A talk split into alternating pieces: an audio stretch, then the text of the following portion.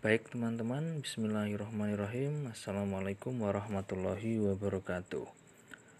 Salam sehat untuk kita semua, amin. Oke teman-teman, kali ini kita akan mendiskusikan tentang Islam dan moderatisme. Karena kita berada di kelas Islam dan ilmu sosial humaniora Maka konsep moderatisme itu nanti harus bisa dimaknai sebagai konsep moderasi sosio-religius kita dalam kehidupan kita sehari-hari. Sebagai awalannya, saya ingin menyampaikan bahwasannya kita sebagai warga negara Indonesia itu patut berbangga. Karena tidak seperti negara-negara Islam yang ada di dunia, mayoritas umat muslim di Indonesia adalah kalangan yang memproklamasikan diri sebagai garda moderat namun, belakangan ini hadir nuansa apatis yang sedang berupaya menggerus sistem nilai yang sudah mapan di tengah masyarakat kita. Nah, ajaran-ajaran agama itu kerap kali dipertentangan dengan kebijakan-kebijakan negara. Demokrasi yang merupakan perwujudan kesepakatan politik manusia itu dibenturkan dengan kekuasaan Tuhan yang absolut. Ini kan tidak ideal. Jika kita sadari, Fenomena ini adalah salah satu bentuk kegelisahan teologis yang memantik banyak peristiwa di bumi Ibu Pertiwi akhir-akhir ini. Hingga muncul suara-suara sumbang ya kan untuk menjadikan Islam sebagai ideologi ideologi negara misalnya. Kemudian ada bentangan bendera hitam putih atau bahkan pekikan-pekikan takbir di jalanan yang tidak diimbangi dengan sikap kerendahan hati. Nah, Tantangan terbesar para pemikir di dunia saat ini, khususnya teman-teman di Indonesia untuk Indonesia masa depan adalah mendamaikan apa yang disebut dengan ekstrim kanan atau fundamental dengan ekstrim kiri atau liberal sekuler. Nah, Indonesia sebagai negara kesatuan yang di dalamnya terdiri dari berbagai macam agama, suku, etnis, bahasa, dan budaya itu tentu tidak boleh memilih salah satu dari kedua hal tersebut. Nah, pada titik ini kita harus memiliki sikap moderat agar tidak fundamental dan juga tidak liberal sekuler. Nah, teman-teman harus memiliki cara berpikir dan bernarasi sendiri agar tidak terjebak dalam sekat ruang-ruang sosial. Di sini, istilah moderasi sosio-religius dapat dimaknai sebagai integrasi ajaran inti agama dengan keadaan masyarakat multikultural di Indonesia. Jadi ajaran-ajaran inti keagamaan dan konteks keindonesiaan itu dapat disinergikan dengan bagaimana kita menyikapi kebijakan-kebijakan sosial yang diambil oleh pemerintah negara. Nah, kesadaran ini harus dimunculkan agar kita semua, agar generasi ke depan itu bisa memahami bahwasanya Indonesia itu ada untuk semua. Sejak dahulu kalau kita amati, fanatisme sektarian merupakan penyakit yang kerap menjangkiti akal sehat.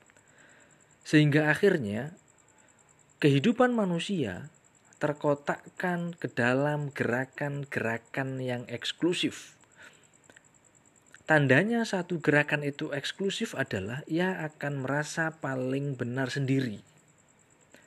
Ia akan merasa seolah-olah ia adalah umat yang masuk surga, yang lainnya masuk neraka. Ia akan merasa bahwasanya dirinya lah yang paling sunnah sementara yang lainnya bid'ah. Nah, jika sudah seperti itu, inklusivitas atau keterbukaan kehidupan beragama dan bernegara akan menjadi kabur bahkan tak terbaca di benak mereka. Dari sini, kesadaran moderasi dalam beragama dan bernegara harus dinarasikan. Bukan hanya sebagai kritik pemikiran, tetapi sebagai tindakan untuk menjaga stabilitas negara Indonesia kita hari ini dan untuk Indonesia ke depan. Kita tahu bahwa Rasulullah Shallallahu Alaihi Wasallam hidup di tengah masyarakat sosial yang juga memiliki banyak warna kan, sama seperti di Indonesia. Baik pada periode Mekah maupun Madinah, di sana itu juga ada beragam agama. suku, budaya, dan juga dialek bahasa. Meskipun misalnya dikategorikan itu bahasa Arab, tetapi dialeknya bermacam-macam. Nah, tapi hebatnya dengan status kenabian yang juga dikenal sebagai sosok al-amin, Nabi Muhammad Wasallam meskipun sudah mampu menguasai Mekah dan Madinah itu tidak memberangus semua fenomena perbedaan tersebut tidak. Kemudian hanya dijadikan satu warna tidak, karena Nabi yang memahami bahwasanya kehidupan ini itu berwarna-warni tidak satu warna, tidak satu tunggal. Jadi selain berwarna-warni ya multikultural, tidak tunggal maksudnya. Nah, dari perilaku Nabi Muhammad SAW kita bisa belajar bahwa menghargai kehadiran pihak lain dan menghormati hak-hak sosial keagamaannya adalah tentang idealitas keadilan sosial itu sendiri. Ini adalah salah satu bentuk kesadaran moral sosial yang oleh bangsa Indonesia dalam sila kelima Pancasila dinarasikan dengan keadilan sosial bagi seluruh rakyat Indonesia. Jadi, istilah moderasi sosio-religius merupakan sebentuk terjemahan dari konsep teoantroposentrik integralistik. Artinya, yang kita tumbuh kembangkan itu bukan hanya tentang nilai dalam ajaran-ajaran keagamaan tidak melainkan juga sekaligus tentang kepekaan-kepekaan sosial kita dalam kehidupan bernegara. Hubungan antara agama dan negara memang idealnya diposisikan saling berdampingan, beriringan, saling melengkapi. Bukan saling berhadap-hadapan terus kemudian saling membatasi tidak. Sebab kita harus paham bahwasannya agama itu tidak sedang berupaya merebut otoritas negara. Sebaliknya pun demikian, negara jika juga tidak sedang membatasi kehidupan beragama warganya. Pada titik ini, kesadaran moderasi sosio-religius dalam beragama dan bernegara dapat kita jadikan perspektif bersama untuk menegaskan bahwa Pemberlakuan etika sosial adalah basis keberlangsungan kehidupan masyarakat multikultural. Nah, konsep moderasi sosio-religius dalam beragama sejatinya dapat kita rumuskan deskripsinya berdasarkan bunyi surat Al-Anbiya ayat 107 yang artinya dan tiadalah kami mengutus kamu wahai Muhammad melainkan untuk menjadi rahmat bagi semesta alam kita dapat menafsirkan kata rahmat dalam konteks kehidupan di dunia ini dan khususnya konteks keindonesiaan dengan moderasi dua pola relasi sekaligus. Pertama, rahmatan likulli akilin artinya kita harus senantiasa berbuat baik dan penuh kasih sayang kepada siapa saja. Tanpa harus melihat warna kulitnya, tanpa harus melihat latar belakang keagamaannya tanpa harus melihat perbedaan bahasa dan budayanya. Yang kedua, rahmatan likulli ghairi akilin. Maksudnya adalah selain kepada siapa saja, kita juga harus bersikap rahmat kepada apa saja. Penafsiran dua model relasi rahmat, yakni kepada siapa saja dan apa saja sekaligus ini, dapat dipertanggungjawabkan keabsahannya dengan menghadirkan bukti-bukti sikap rahmat yang telah dicontohkan oleh Nabi Muhammad. Yang pertama misalnya, rahmat kepada siapa saja. Rahmat sebagai sikap moderasi sosio-religius yang mengharuskan umat Islam berbuat baik kepada siapa saja, itu sejatinya telah dicontohkan oleh Nabi Muhammad. Misalnya dalam peristiwa renovasi Ka'bah bersama para pemimpin suku Quraisy kala itu. Jadi pada suatu saat ketika Ka'bah itu direnovasi, para pemimpin Quraisy itu bersih tegang kira-kira siapa yang berhak untuk meletakkan hajar aswad itu. Nah, keadaan itu tidak lantas membaik, justru malah memburuk karena setiap e, masyarakat itu memiliki ingin atau memiliki keinginan agar kepala sukunya yang meletakkan hajar aswad itu. Karena tidak lantas selesai, kemudian justru semakin keruh begitu kan, terus mereka itu ingat bahwasanya ada sosok Nabi Muhammad yang terkenal sangat adil dan sangat bisa percaya al-amin itu. Nah, para pemimpin Quraisy mengandalkan keputusan Nabi Muhammad yang adil itu untuk memecahkan persoalan yang sangat sensitif tadi itu. Akhirnya Nabi Muhammad diminta untuk memberikan solusi terbaiknya. Nah, Nabi Muhammad sangat jenius. Solusi yang ditawarkan adalah pertama, beliau membuka uh, sorbannya, kemudian meletakkan batu hitam itu di atas sorbannya, kemudian Nabi Muhammad SAW meminta para pemimpin Quraisy yang tadi bersih tegang itu untuk sama-sama mengangkat batu itu dan diletakkan di tempatnya. Nah, jika kita perhatikan sepenggal kisah rahmat di atas itu, Nabi Muhammad sebenarnya bisa saja mengangkat Hajar Aswad itu sendiri karena ia yang diminta oleh para pemimpin itu dan mungkin itu bisa menyelesaikan masalah karena Nabi Muhammad saat itu belum uh, tidak menjadi pemimpin suku kan. Lantas kemudian meletakkan di tempatnya. Yang menjadi pernyataan adalah mengapa Nabi Muhammad tidak melakukan itu. Karena Nabi Muhammad mengerti, memahami bahwa sikap egois atau bertindak atas kepentingan pribadi atau sikap egosentris bersik, eh, bertindak karena kepentingan kelompoknya itu hanya akan memperkeruh keadaan. Dari sini sejatinya Nabi Muhammad telah mengajarkan kita tentang bagaimana caranya berinteraksi sosial dalam kehidupan dan kehidupan beragama dan bernegara.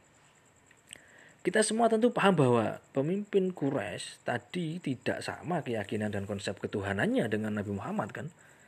Peristiwa ini itu bisa menyadarkan kita bahwa rahmat itu harus ditebar kepada siapa saja. Perbedaan keyakinan, etnis, suku, budaya, dan bahasa itu tidak boleh menjadi sekat kita untuk tetap menebar dan menabur rahmat di mana saja. Yang kedua, rahmat kepada siapa saja misalnya. Karena ini nanti berelasi kepada rahmat kepada siapa saja. Apakah cukup bagi kita untuk menebarkan rahmat kepada siapa saja? Tentu jawabannya masih belum cukup. Karena kita hidup tidak hanya dengan manusia kan, tetapi juga dengan lingkungan di sekitar kita. Di mana lingkungan sekitar kita itu juga mempengaruhi sikap kemanusiaan kita. Oleh sebab itu, pemahaman terhadap kalimat rahmatan lil alamin harus juga sampai kepada apa saja yang berada di lingkungan kehidupan kita. Hal tersebut misalnya eh, bisa kita baca dari bagaimana Nabi Muhammad SAW memberikan satu instruksi bahwasannya jangankan dalam keadaan damai, dalam keadaan perang sekalipun umat Islam itu dilarang untuk merusak rumah-rumah ibadah kendati rumah-rumah ibadah tersebut memiliki atau milik umat non muslim maksudnya. Bahkan juga menebang pohon sembarangan atau merusak sarana umum yang tidak diperkenankan. Nah, apa yang diinstruksikan oleh Nabi Muhammad tersebut kalau kita kontekskan ke hari ini, kita melihat bahwasanya fenomena-fenomena pembakaran rumah-rumah ibadah itu adalah bukti kegagalan yang melakukan dalam memahami sisi rahmatan lil alamin itu. Pertama, ia tidak melakukan rahmat kepada siapa saja. Yang kedua, ia tidak melakukan rahmat kepada apa saja. Tindakannya itu mencederai dua konsep rahmat sekaligus. Nah, ajaran berbuat rahmat kepada lingkungan ini itu juga bisa kita temukan dalam instruksi Khalifah Umar bin Abdul Aziz ketika ia melarang pasukannya agar tidak menghancurkan gereja dan rumah peribadatan lainnya. Umar bin Abdul Aziz itu menuliskan sebuah surat kepada pasukan perangnya yang berbunyi, "Janganlah kalian semua menghancurkan rumah peribadatan baik umat Yahudi jangan menghancurkan gereja umat Nasrani, bahkan juga jangan menghancurkan Baitun Nar sebagai rumah peribadatan umat Majusi. Nah, dalam konteks Indonesia hari ini misalnya, dapatkah kita mengaktualisasikan konsep moderasi sosio-religius ke dalam realitas kontekstual di Indonesia saat ini? Tentu kita harus yakin jawabannya pasti bisa. Keanekaragaman masyarakat Arab pada saat itu itu tidak jauh berbeda dengan keanekaragaman yang ada di Indonesia pada saat ini Bahkan Indonesia jauh lebih kaya keragaman agama, suku, budaya, dan bahasanya. Pertanyaannya, dapatkah kita meneladani akhlak sang nabi misalnya ketika berinteraksi dengan umat-umat agama lain? Pasti bisa. Keanekaragaman dalam kehidupan manusia, sekali lagi, itu merupakan keabsahan kalam Tuhan. Karena apa? Karena itu kita bisa baca dalam surat Al-Hujurat ayat 13. Artinya yang teman-teman sudah tahu semua, bahwasanya manusia diciptakan dari seorang laki-laki dan perempuan kemudian banyak berkembang menjadi bangsa-bangsa bersuku bersuku-suku tujuannya untuk apa untuk saling mengenal ya kan? Perbedaannya adalah ketakwaan. Bukan ras bukan agama bukan budaya bukan etnis bukan bahasa tapi ketakwaan. Nah berita tentang keniscayaan kan keanekaragaman dalam ayat tersebut justru sangat sesuai dengan kondisi sosiokultur di Indonesia saat ini loh. Berbagai macam agama, etnis, suku, budaya, dan bahasa berada di bawah kesatuan bumi persada Nusantara Republik Indonesia. Tugas kita ke depan adalah menjaga bangsa ini agar tetap utuh dan bertahan dari segenap upaya-upaya separatisme. Sehingga generasi bangsa ini ke depan teman-teman ya kan besok kalau punya anak cucu itu mampu atau memiliki cita-cita untuk mewujudkan baldatun toyebatun warofun gofur. Barangkali bisa kita istilahkan seperti itu. Nah, dalam upaya kontekstualisasi konsep moderasi sosio-religius di Indonesia, ya kan, kita bisa belajar dari peristiwa renovasi Ka'bah dan peletakan Hajar Aswad tadi. Bahwa kita sebagai umat Islam di Indonesia itu harus bersama-sama dengan umat beragama yang lainnya untuk membangun peradaban baru menuju Indonesia yang berdaulat, adil dan makmur. Dalam cita-cita pemerintah itu menuju Indonesia Empas 2045. Dan berdasarkan bunyi ayat Al-Hujurat ayat 13 tadi itu, surat Al-Hujurat ayat 13 tadi itu, kita bisa menegaskan bahwa perbedaan keyakinan harus dijadikan sebagai semangat keanekaragaman untuk bisa saling memahami dan saling mengenal satu sama lain. Sekali lagi, dalam konteks Indonesia saat ini, jihad yang kita butuhkan bukanlah jihad mengangkat senjata, apalagi sampai perang saudara, tidak. Tetapi jihad untuk mengendalikan diri sekaligus mendorong terciptanya sebuah sistem sosial yang bermartabat, berkeadilan dan dapat mensejahterakan masyarakat gitu loh. Oleh karena itu, marilah kita uh, tumbuh kembangkan spirit moderasi sosio-religius ini sebagai semangat kebersamaan dalam memelihara kerukunan antar sesama warga negara bangsa Indonesia. Saya kira itu dulu sebagai pemantik awal untuk diskusi kita. Kalau masih ada yang ingin diskusikan silahkan tulis di komentar atau disampaikan di Google Classroom. Saya akhiri, mohon maaf untuk segala khilaf dan kata. Assalamualaikum warahmatullahi wabarakatuh. Baik teman-teman, bismillahirrahmanirrahim. Assalamualaikum warahmatullahi wabarakatuh. Salam sehat untuk kita semua. Amin. Sebagaimana yang sudah dicatwalkan, Diskusi kita pada pertemuan kali ini membahas tentang hukum syar'i, interpretasi definitif.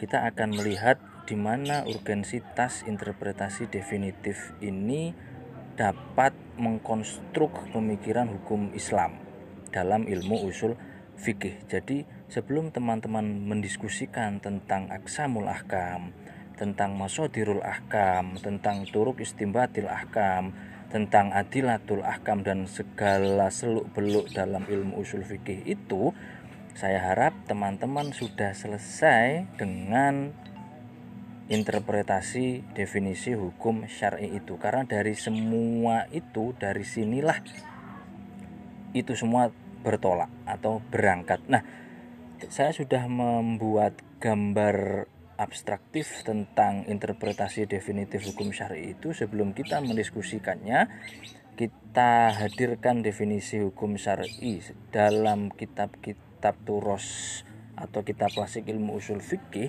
hukum syar'i didefinisikan dengan khitabullah al muta'allaq bi af'alil mukallafin iktidaan au takhiran au wada'an. Secara sederhana Definisi tersebut dapat diartikan dalam bahasa Indonesia, hukum syar'i adalah wicara ketuhanan yang berkaitan dengan perbuatan-perbuatan orang-orang mukallaf secara instruksional atau opsional atau kondisional situasional. Nah, kita akan mendedah kata per kata. Itu yang disebut dengan interpretasi definitif karena dari kata per kata itu kita mendapatkan beragam makna dan juga pengetahuan di saat yang sama. Pertama, teman-teman bisa melihat kata khitab yang saya beri warna merah. khitab sendiri secara sederhana bisa diartikan dengan wicara. Nah, entitas wicara setidaknya memiliki rukun tiga hal. Yang pertama adalah pihak yang mewicarakan, kemudian yang kedua adalah pihak yang diajak berwicara, kemudian yang ketiga adalah objek yang diwicarakan. Nah, pada dasarnya semua khitab atau pertanyaannya adalah apakah semua khitab itu bisa disebut dengan hukum syar'i? Tidak, karena khitab dalam definisi ini itu tidak hadir mandiri, tidak independen tetapi ia disandarkan kepada lafat Allah. Maka menjadi khitab atau wicara ketuhanan. Nah, wicara ketuhanan yang bagaimana atau yang seperti apa yang disebut dengan hukum syar'i itu pada penggalan pertama ini Khitabullah secara sederhana atau sebagaimana yang dimaklumi ia adalah berupa nitkon. Kalau lafaz dan maknanya ia Al-Qur'an, terus kemudian dalam uh, perkembangan penuturannya nanti ada kita kenal dengan sunnah yang maknanya disampaikan oleh Allah dan diterima langsung oleh Nabi. Nah, kehadiran khitabullah yang nitkon dalam Al-Quran dan Sunnah ini memiliki legitimasi dalam Al-Quran itu sendiri untuk dijadikan sebagai sumber sekaligus dalil hukum. Ya, Al-Quran sebagai sumber hukum misalnya dapat kita temukan dalam surat An-Nahl ayat 89 di sana Gusti Allah berfirman wa alaikal kitaba tibyanan likulli syai' yang artinya dan kami turunkan Al-Quran kepadamu untuk menjelaskan segala sesuatu. Nah di situlah posisi Al-Quran sebagai sumber hukum. Pun demikian juga dengan asuna ada legalitas untuk dijadikan sebagai sumber dan dalil hukum. Misalnya terkait asunah itu sendiri dalam surat An-Nisa ayat 49 di sana orang-orang beriman diperintahkan untuk mentaati Rasul sekaligus mentaati uh, ya mentaati Allah kemudian mentaati Rasul yang bunyinya ya ayyuhalladzina amanu Allah wa atiur Rasul. Pun demikian di surat Ali Imran ayat 31 teman-teman bisa menemukan kul in kuntum tuhibbunallaha fattabi'uni yuhibbukumullah. Katakanlah jika kalian benar-benar ingin mencintai Allah, maka ikutilah aku, ikutilah Rasul niscaya Allah akan mencintai kalian semua ini menjadi legitimasi sunnah untuk dijadikan sebagai sumber sekaligus dalil hukum. Nah, karena wahyu itu sudah final, artinya tidak ada lagi wahyu setelah Nabi Muhammad dan tidak ada lagi seorang utusan setelah Nabi Muhammad, kita meyakini kedua hal tersebut. Di lain sisi, meskipun wahyu itu sudah final, ia sakral dan statis, tetapi di lain sisi realita kontekstual kemanusiaan itu ia tidak sakral. Realita manusia tidak pernah mengenal kata final. Ia selalu dinamis. Nah, dalam konteks ini Gusti Allah itu memberikan izin kepada ma e, manusia untuk melakukan istimbat. Artinya apa? Melakukan proses penggalian dan pengembangan hukum terhadap realita kontekstual yang terjadi di setiap zaman dengan tetap berdasarkan pada Al-Quran dan Sunnah. Jadi khitabullah dari penjelasan yang seperti tadi itu kita bisa membagi khitabullah ke dalam dua hal. Yang pertama nitkon Al-Quran dan Sunnah, kemudian yang kedua istimbaton yaitu al-ijma' dan kias. Ijma' sendiri sebagai e, maswadirul ahkam itu memiliki legitimasi dalam Al-Quran untuk dijadikan sebagai sumber dan dalil hukum misalnya itu bisa teman-teman temukan dalam surat An-Nisa ayat 155. Di sana disebutkan wa may yusyakikir rasul mim ba'di ma tabayyana lahul huda wa yattabi' ghayra sabilil mu'minin. Barang siapa yang menentang Rasul setelah jelasnya kebenaran baginya dan mengikuti jalan-jalan yang bukan jalan-jalannya orang mukmin. Jadi ijma ini diposisikan sebagai kesepakatan bersama, sebagai jalan bersama orang-orang mukmin. Makanya teman-teman tidak boleh keluar dari ijma nanti nggak punya teman karena dianggap keluar dari uh, apa yang disepakati oleh umat Islam itu legitimasi uh, tentang keabsahan ijma untuk dijadikan sebagai sumber dan dalil hukum. Jadi ijma ini disebut juga dengan ijtihad jama'i atau ijtihad kolektif. Kolektif pun demikian dengan al-qiyas. Al-qiyas sendiri sebagai salah satu metode penggalian dan pengembangan hukum dari teks terhadap teks-teks keagamaan Al-Quran dan Sunnah itu juga memiliki legitimasi dari Al-Quran artinya praktik kias itu memiliki dasar pijakan yang ontik yang asli ada dan legal di mata uh, agama. Kira-kira bisa dikatakan seperti itu. Nah dalilnya sendiri itu bisa teman-teman temukan misalnya dalam uh, Al-Qur'an di sana Allah Subhanahu wa taala berfirman fa'tabiru ya ulil absor. Yang artinya maka ambillah kalian semua itu ya kan untuk dijadikan pelajaran. Jadi ilat di situ merupakan proses menggali, proses memahami sesuatu yang lampau untuk kemudian diterapkan ilat hukumnya dalam peristiwa-peristiwa kekinian yang di dalamnya memiliki berbanyak e, banyak rukun. Nanti kita akan mendiskusikan itu di lain kesempatan. Jadi khitabullah itu tidak hanya wahyu nitkon Al-Quran atau asunah tetapi di waktu yang sama juga dia istimbaton al-ijma dan al-qiyas. Ini membuktikan bahwasanya hukum Islam ia memiliki sumber hukum teks wahyu yang sakral dan final tapi penerapannya itu plural dan dinamis. Kira-kira bisa dikatakan seperti itu. Nah, kedinamisan hukum itu bisa diartikan sebagai wujud bahwasanya Gusti Allah Subhanahu wa taala melalui teks wahyu itu sangat welas asih. Artinya apa? Kita di diperintahkan untuk melakukan sesuatu, kita juga untuk dilarang sesuatu karena baik dalam perintah maupun larangan tersebut itu pasti ada hikmahnya, ada orientasi hukumnya yang nanti kelak akan dikenal dengan makosid syariah.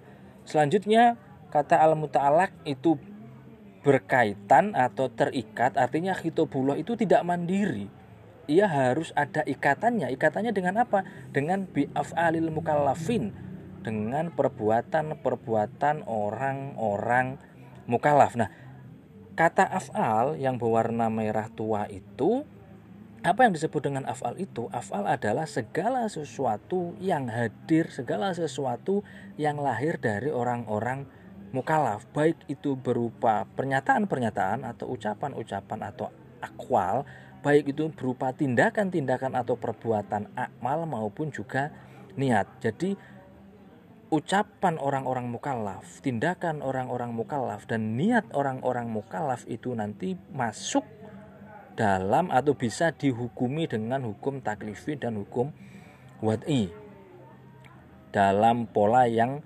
sirkuler, dalam pola yang melingkar, saling berkait kelindan. Nah, selanjutnya adalah al-mukallafin. Siapa itu mukallaf? Kan begitu pertanyaannya.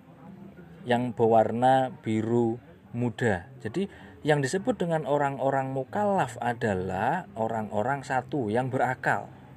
Kemudian yang kedua yang balik.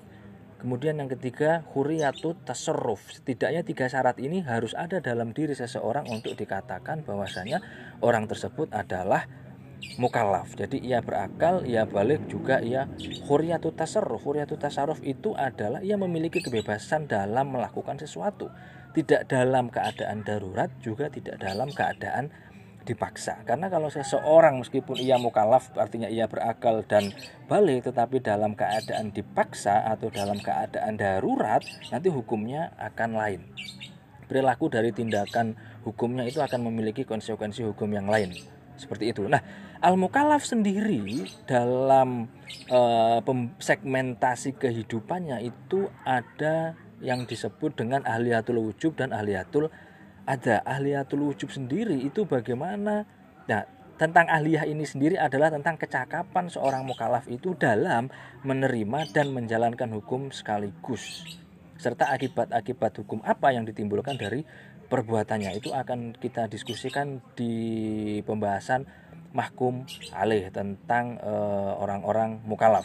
Kalau yang di afal tadi tentang mahkum bih objek objek hukum. Nah, selanjutnya uh, sebelum kita lanjut, jadi saya ulangi sedikit, kita bulu al muta'alaq bi af'alil mukallafin atau bicara ketuhanan yang berkaitan dengan perbuatan-perbuatan orang-orang mukallaf sampai sini itu bisa disebut sebagai hukum syar'i. Dengan demikian, kalau ada bicara ketuhanan atau ada ayat dalam Al-Qur'an yang tidak berkaitan dengan perbuatan-perbuatan orang mukallaf, maka ia bukan disebut dengan hukum syar'i.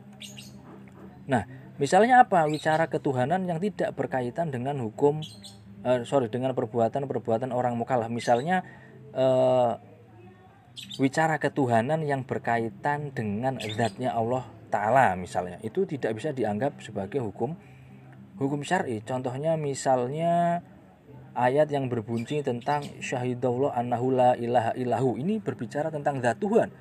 Ayat tersebut tidak bisa disebut sebagai ayat hukum syar'i kemudian teman-teman bisa lihat yang warna biru yang bagian atas itu kemudian tentang sifat-sifatnya Allah misalnya atau asma-asmanya Allah itu juga tidak bisa disebut sebagai hukum syar'i. Misalnya dalam surat Al-Hasr ayat 22. Di sana Allah berfirman, Wallahu la ilaha illa huwa alimul ghaibi.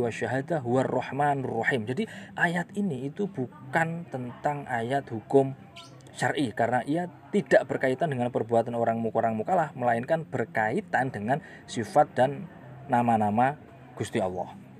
Selanjutnya yang tidak bisa disebut dengan hukum syar'i juga adalah ayat-ayat yang berkaitan dengan af'alullah atau tindakan-tindakan atau perbuatan-perbuatan Gusti Allah. Misalnya dalam surat Ar-Rum misalnya ada di ayat 40 di sana disebutkan Allahul ladzi khalaqakum tsumma razaqakum tsumma yumitukum tsumma yuhyikum. Jadi Artinya adalah Allah yang menciptakanmu, yang memberimu rezeki, yang mematikanmu, kemudian yang menghidupkanmu. Jadi ayat ini juga tidak bisa disebut sebagai hukum syar'i.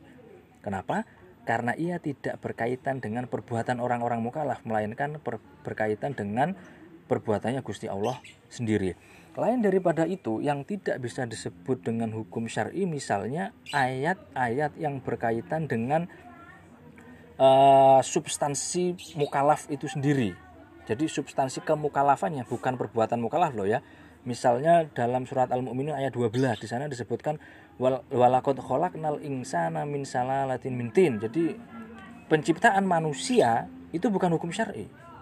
Karena itu tidak berkaitan dengan perbuatan mukalaf melainkan dengan bidatil mukallafin yang ada perbuatan Gusti Allah tentunya di sana juga. Kemudian yang tidak bisa disebut dengan hukum syari adalah ayat-ayat dalam Al-Quran yang berbicara tentang e, al-jamadat wal hayawana tentang hewan-hewan, kemudian tentang e, apa namanya benda-benda mati, tentang gunung misalnya dan segala macam itu tidak bisa disebut dengan e, hukum-hukum ayat-ayat hukum syari. Pun demikian, misalnya ayat-ayat tentang akidah itu juga tidak bisa dijadikan sebagai sumber dan dalil hukum syar'i karena apa? Karena dari definisinya saja sudah tidak termasuk hukum syar'i. Misalnya yang ayat-ayat akidah itu tentang uh, ahad itu kan tentang akidah. Allah somad lam jalid walam julat itu tidak bisa dijadikan sebagai dalil untuk hukum syar'i karena itu menjadi ayat-ayat akidah bukan ayat-ayat hukum syar'i. Nah, selanjutnya adalah tentang iktidoan. Iktidoan itu secara etimologis dia bermakna atolab, instruksional. Nah, instruksional itu ada dua macam. Yang pertama adalah instruksi untuk mengerjakan atau tolabul fi'li.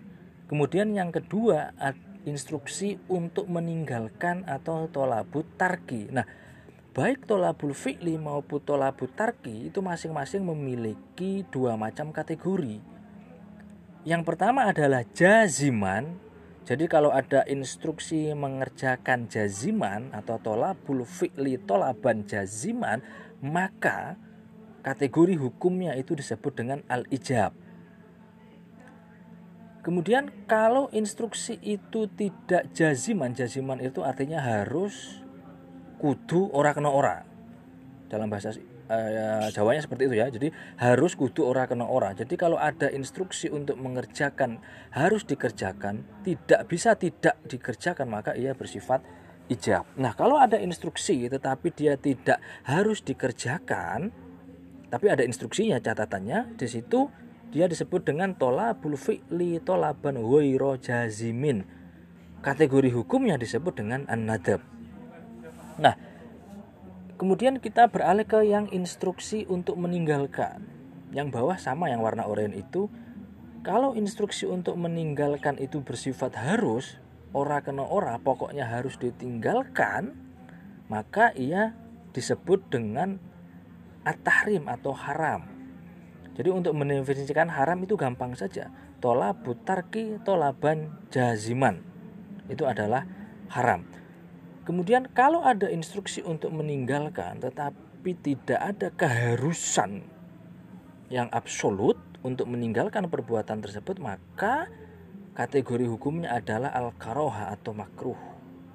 Untuk mendefinisikan makruh itu gampang saja.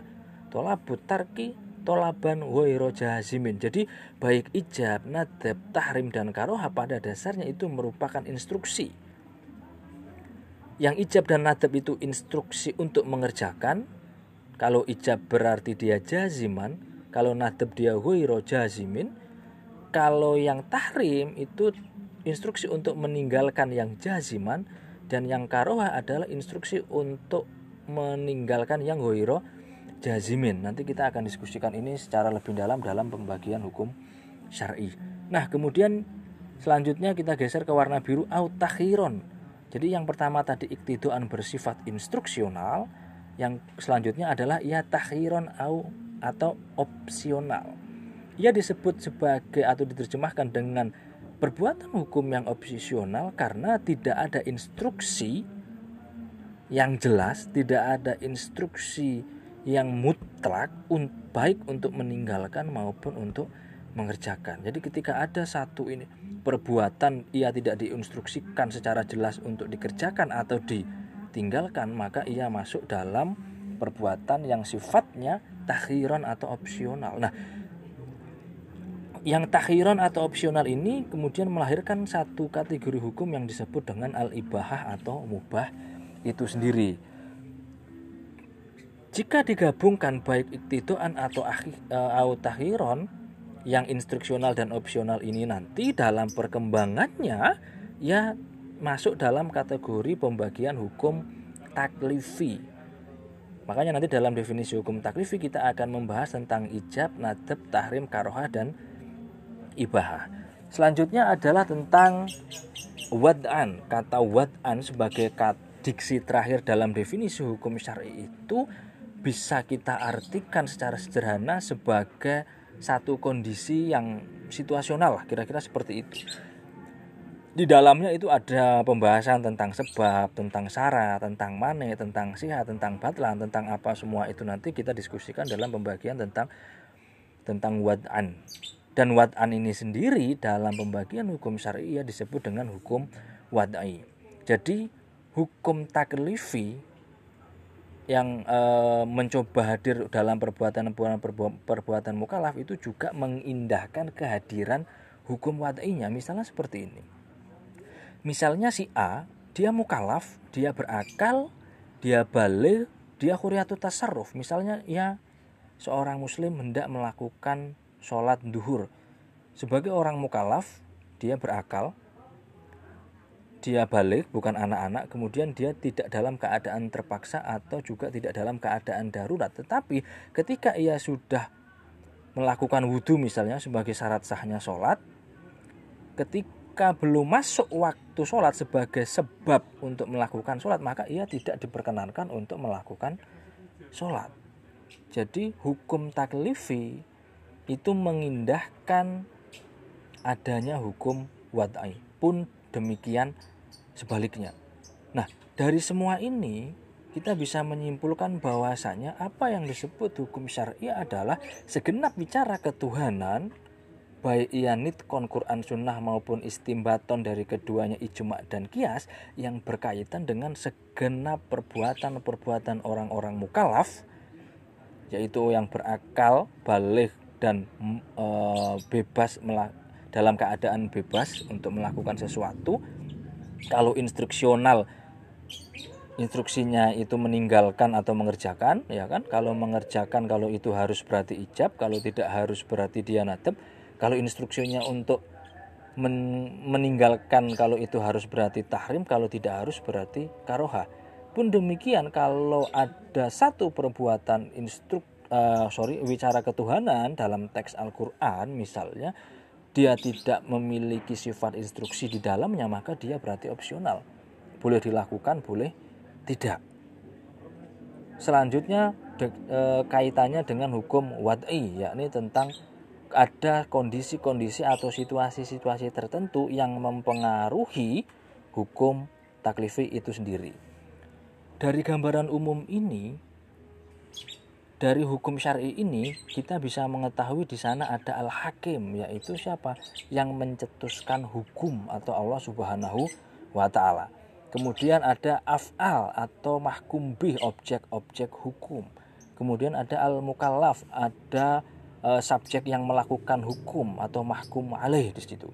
Kemudian ada al-hukum at-taklifi dan hukum wat'i bisa disebut juga dengan aksamul ahkam. Nah, dalam pembagian aksamul akam ini, teman-teman bisa melihat hukum taklifi itu kan ada lima ijab, nadab, tahrim, karoha, dan ibah. Hukum wati itu ada sebab, syarat, manik, sihat, batlan.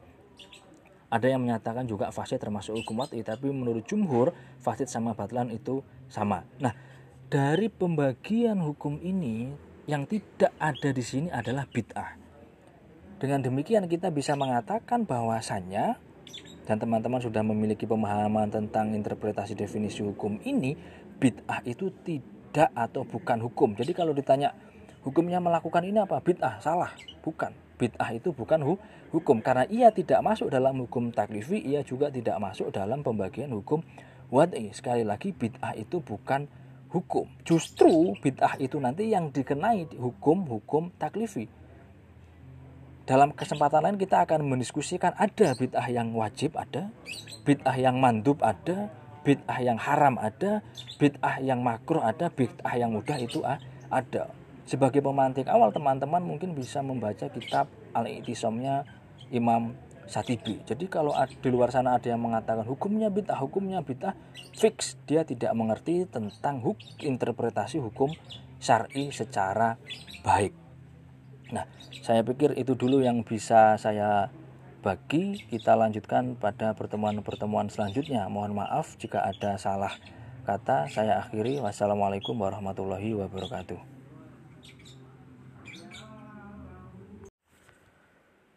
Baik teman-teman, Bismillahirrahmanirrahim Assalamualaikum warahmatullahi wabarakatuh Salam sehat untuk kita semua, amin Teman-teman, hari ini kita akan mendiskusikan tentang Islam dan demokrasi.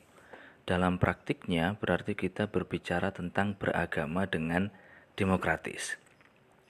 Di awal pertemuan ini, saya ingin menyampaikan satu narasi bahwa agama itu sakral, tetapi pilihan beragama itu plural relasi antara agama dan negara dalam spektrum kenegaraan kita dapat kita temukan dalam Undang-Undang 1945 yang diatur dalam pasal 29.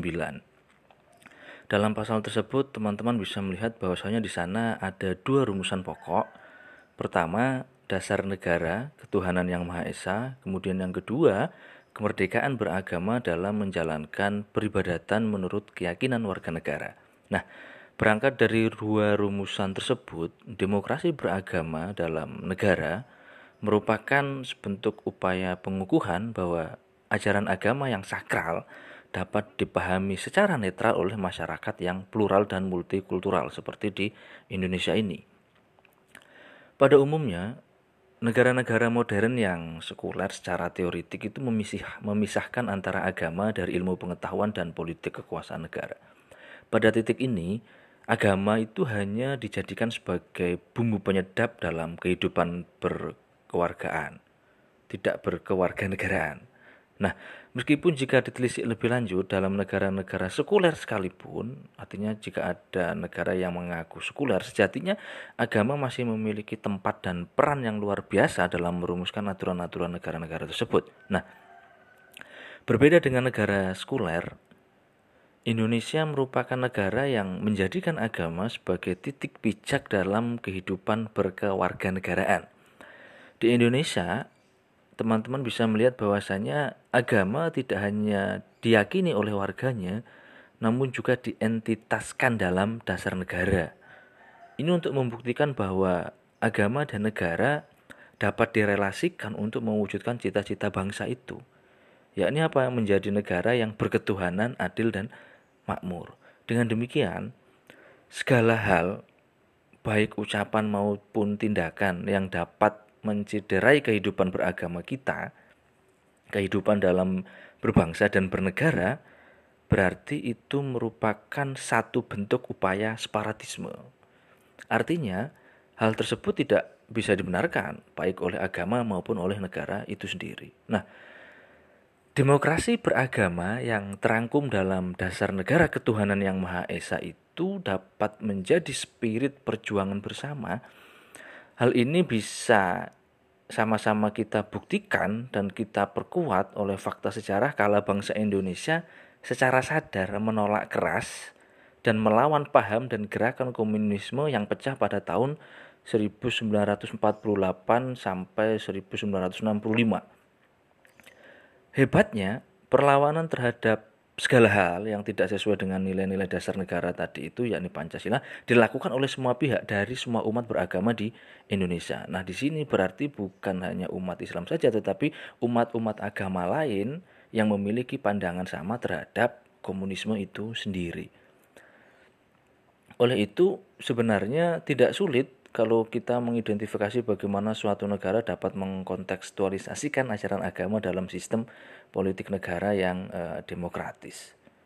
Tentu saja substansi negara berdaulat yang demokratis itu tidak sekedar ditentukan oleh adanya penetapan wilayah yang jelas atau penduduk yang tetap atau pemerintah yang mapan dan kemampuan berrelasi skala internasional antar negara-negara yang yang lainnya.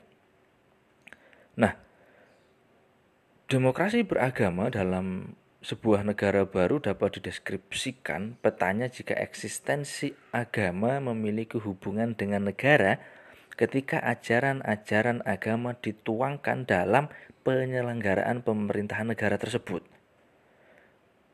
Baik misalnya dengan adanya keterlibatan rakyatnya dalam penentuan kebijakan negara maupun eh, adanya pembagian wilayah kerja dan pemisahan kekuasaan antara legislatif, eksekutif, dan yudikatif.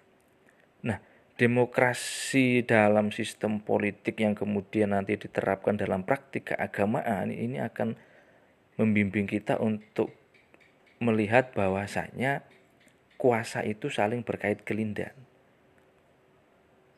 Ia tidak tunggal, karena kalau tunggal nanti khawatir akan terjadi otoriter. Menariknya, meskipun Indonesia secara normatif mewajibkan warga negaranya untuk memeluk salah satu dari agama-agama yang diakui oleh negara, tidak lantas menjadikan Indonesia sebagai negara teokratik. Ini kan luar biasa. Tetapi Indonesia justru tetap konsisten dengan pilihan demokratisnya. Kesadaran beragama dalam berbangsa dan bernegara inilah yang kemudian membuat Indonesia mampu berdiri sebagai negara yang religius non teokratik.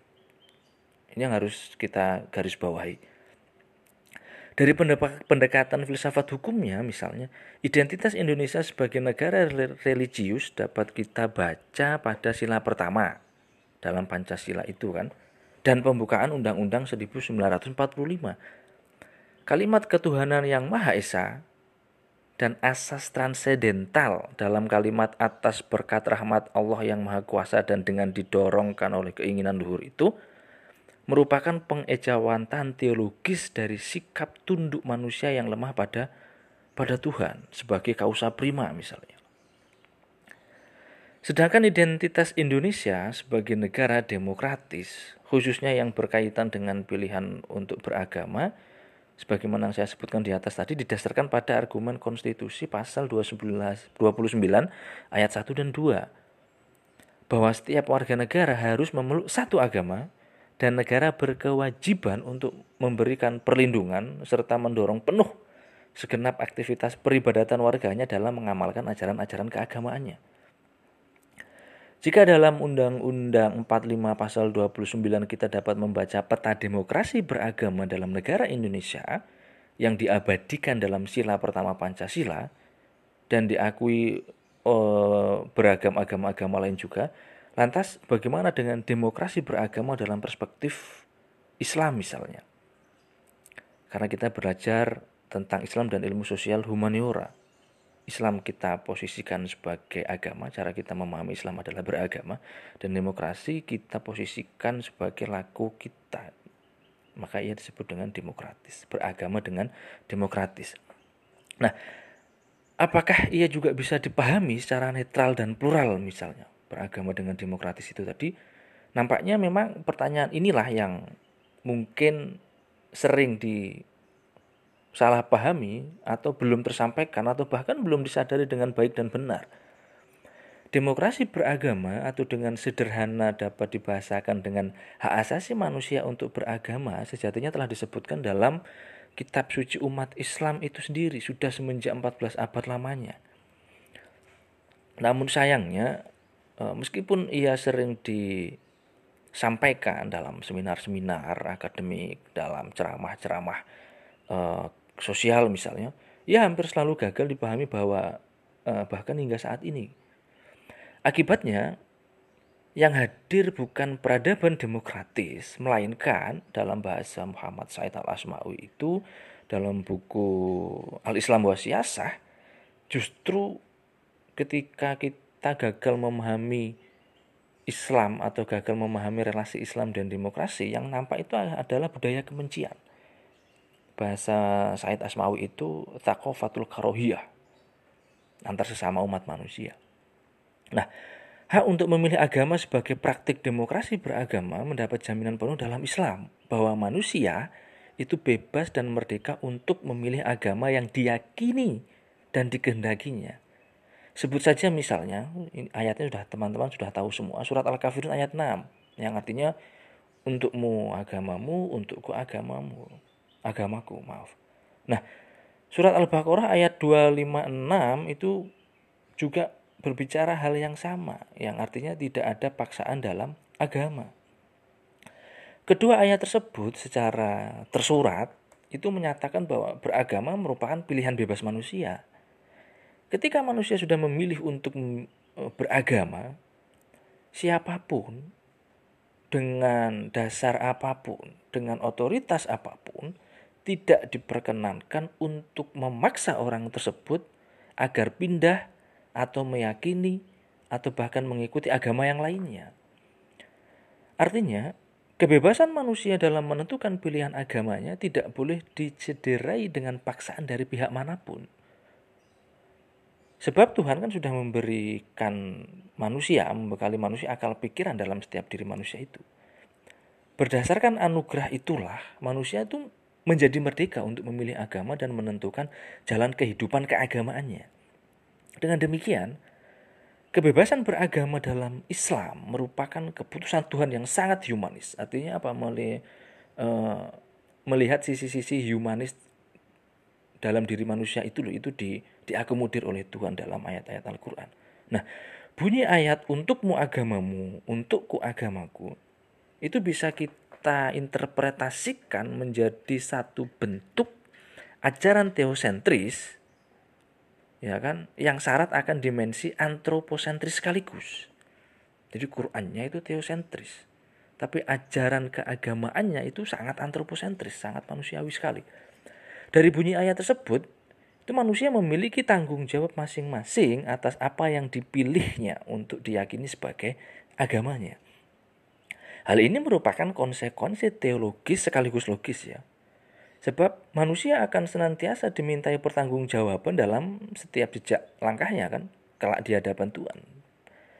Sementara bunyi ayat tidak ada paksaan dalam agama, itu bisa mengajarkan kita untuk tetap menjaga keharmonisan dalam menjalani kehidupan berbangsa dan bernegara. Pada titik ini, Islam menekankan bahwa stabilitas sosial harus senantiasa dirawat agar tidak mengalami sekarat gitu kan. Nah, konsep demokrasi beragama dalam berbangsa dan bernegara dalam perspektif filsafat hukum Islam itu dapat dirumuskan dengan beberapa prinsip.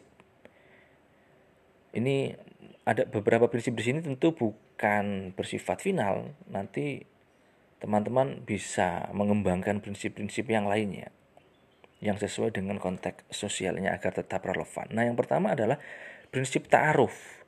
Dalam bahasa Arab, kata ta'aruf itu berasal dari kata ta'arufa yang yang dari kata kerja arufa. Arufa sendiri artinya dalam bahasa Indonesia adalah mengetahui atau mengerti. Dengan perubahan bunyi dan bentuk kata dari arufa ke ta'arufa, itu meniscayakan perubahan makna.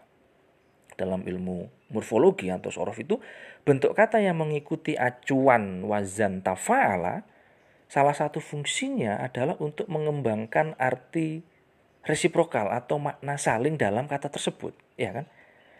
Dengan demikian, jika kata arofa adalah artinya mengetahui atau mengerti, maka ta'arofa bermakna saling mengetahui atau saling mengerti. Sebab itu, kata ta'aruf, ini kata yang sangat luar biasa, yang kemudian entah bagaimana ditafsirkan menjadi kata yang dalam tanda kutip maaf hanya berbicara tentang relasi seksual itu kan tidak seperti itu padahal. Jadi kata ta'aruf adalah sebentuk proses terus menerus yang harus dilakukan oleh manusia agar dapat saling mengetahui dan saling mengerti antar satu dengan yang lainnya dalam konteks hubungan apa pun, khususnya hubungan sosial keagamaan. Nah, prinsip ta'aruf di sini itu didasarkan pada bunyi surat Al-Hujurat ayat 13. Di sana disebutkan bahwasanya manusia sesungguhnya kami telah menciptakan kamu dari seorang laki-laki dan perempuan dan kemudian kami jadikan kalian berbangsa-bangsa dan bersuku-suku gitu kan supaya kalian bisa saling mengetahui dan mengerti atau mengenal satu sama lain. Nah, dari bunyi ayat ini kita dapat memetakan dua pola kenyataan dari apa yang telah diciptakan dan ditakdirkan oleh Gusti Allah. Yang pertama, manusia dapat lahir dari laki-laki dan perempuan. Ini adalah kenyataan teosentris. Artinya, Tuhan Sang Maha Pencipta telah memutuskan, telah menakdirkan secara kodrati bahwa manusia itu lahir dari laki-laki dan perempuan. Kemudian yang kedua, dari kedua insan laki-laki dan perempuan tadi itu melahirkan banyak keturunan dan selalu terus berkembang hingga menjadi berbagai bangsa dan bermacam-macam suku ini adalah kenyataan antroposentris. Artinya, Tuhan Sang Maha Pencipta telah mengukuhkan bahwa keberagaman itu merupakan keniscayaan yang sedari awal memang telah dikehendaki oleh oleh Tuhan. Ya kan? Tujuan laku resiprokal dalam prinsip ta'aruf adalah agar manusia dengan segala keberagamannya dengan segala perbedaannya, dengan latar belakang sejarahnya, dapat saling mengenal, saling memahami, dan saling menghormati. Keberagaman yang harus dipahami dan dihormati tentu tidak hanya berdasarkan pada keagamaan bangsa dan suku semata ya, melainkan juga keragaman agama yang dipilih oleh setiap manusia. Keragaman bangsa dan suku adalah kenyataan dan keragaman beragama itu adalah pilihan. Keduanya harus dapat didialogkan dengan bijak agar tata kehidupan sosial kita itu ya dapat berlangsung dengan dinamis. Nah, teman-teman tentang kons, e, prinsip ta'aruf ini mungkin bisa teman-teman baca dalam bukunya e, Kunto Wijoyo di salah satu bukunya itu tentang idealitas politik umat Islam. Nah, di sana itu Kunto Wijoyo itu menegaskan bahwasanya prinsip ta'aruf itu mengandung nilai equality, kemudian liberty sekaligus dialogical komunikatif. Nah, dari equality itu kita bisa mengerti bahwa ada persamaan hak dalam bernegara, dalam bagaimana kita menyikapi pilihan beragama. Artinya, tidak ada warga negara yang dinomor kan. Kemudian dari liberty kita bisa memahami bahwa setiap warga negara memiliki kebebasan dan merdeka untuk menentukan pilihan agamanya. Ini kan luar biasa. Sekaligus tentu menjalankan ajaran-ajaran keagamaannya. Nah, dari sisi komunikasi dialogis kita bisa belajar bahwa tidak ada dominasi satu kelompok atas kelompok yang lain. Jadi tidak dalam titik ini tidak ada hitungan statistik minoritas atau mayoritas itu tidak. Tetapi jumlah perbedaan angka itu harus bisa menjadi dasar kita bersama untuk kemudian berlaku saling menghormati dan saling mengenal. Bukan berbicara tentang otoritas siapa yang paling berkuasa untuk menentukan satu bentuk kebijakan dalam pertarungan wacana misalnya. Nah, pluralitas sendiri itu bisa kita pahami sebagai blessing in disguise bahwa tanah air kita itu Indonesia itu luar biasa. Nah, konsep ta'aruf dalam demokrasi beragama ini harus sama-sama kita sadari sebagai warga negara Indonesia sehingga hidup rukun antar umat beragama dapat direalisasikan dan dijaga keberlangsungannya kan dengan demikian sekali lagi saya ingin tegaskan numerik mayoritas dan minoritas dalam penyelenggaraan demokrasi beragama itu hanya masalah rumus kuantitas dan bukan kualitas otoritatif. Kemudian prinsip yang kedua adalah tentang asyuro. Nah, ini kan penting. Jadi asyuro itu mungkin secara sederhana kita bisa maknai merupakan bentuk asli dari kata kerja syawaro misalnya. Yang berkembang menjadi musyawarah itu kan. Ketiganya secara sederhana jika dialih bahasakan ke dalam bahasa Indonesia maka menjadi musyawarah. Bermusyawarah atau permusyawaratan. Dalam kitab suci agama Islam musyawarah itu hadir dengan dua macam fungsi sekaligus. Nah ini menarik. Pertama, musyawarah intraagama sebagaimana tersurat dalam uh, surat Asyur ayat 38 di sana disebutkan dan bagi orang-orang yang menerima atau mematuhi semua uh, seruan Tuhannya dan mendirikan sholat, sedang urusan mereka diputuskan dengan musyawarah antar mereka. Ini kan luar biasa. Dan mereka menafkahkan sebagian dari rezeki yang kami berikan kepada pihak pihak-pihak yang lainnya. Nah, musyawarah intraagama adalah musyawarah yang dilakukan dalam satu agama yang sama. Dalam hal ini antar sesama umat Islam. Berdasarkan bunyi ayat tersebut, kita dapat memahami bahwa perbedaan pendapat dalam masalah praktik ajaran keagamaan sehari-hari kita misalnya yang terjadi dalam umat Islam itu bisa diselesaikan dengan musyawarah.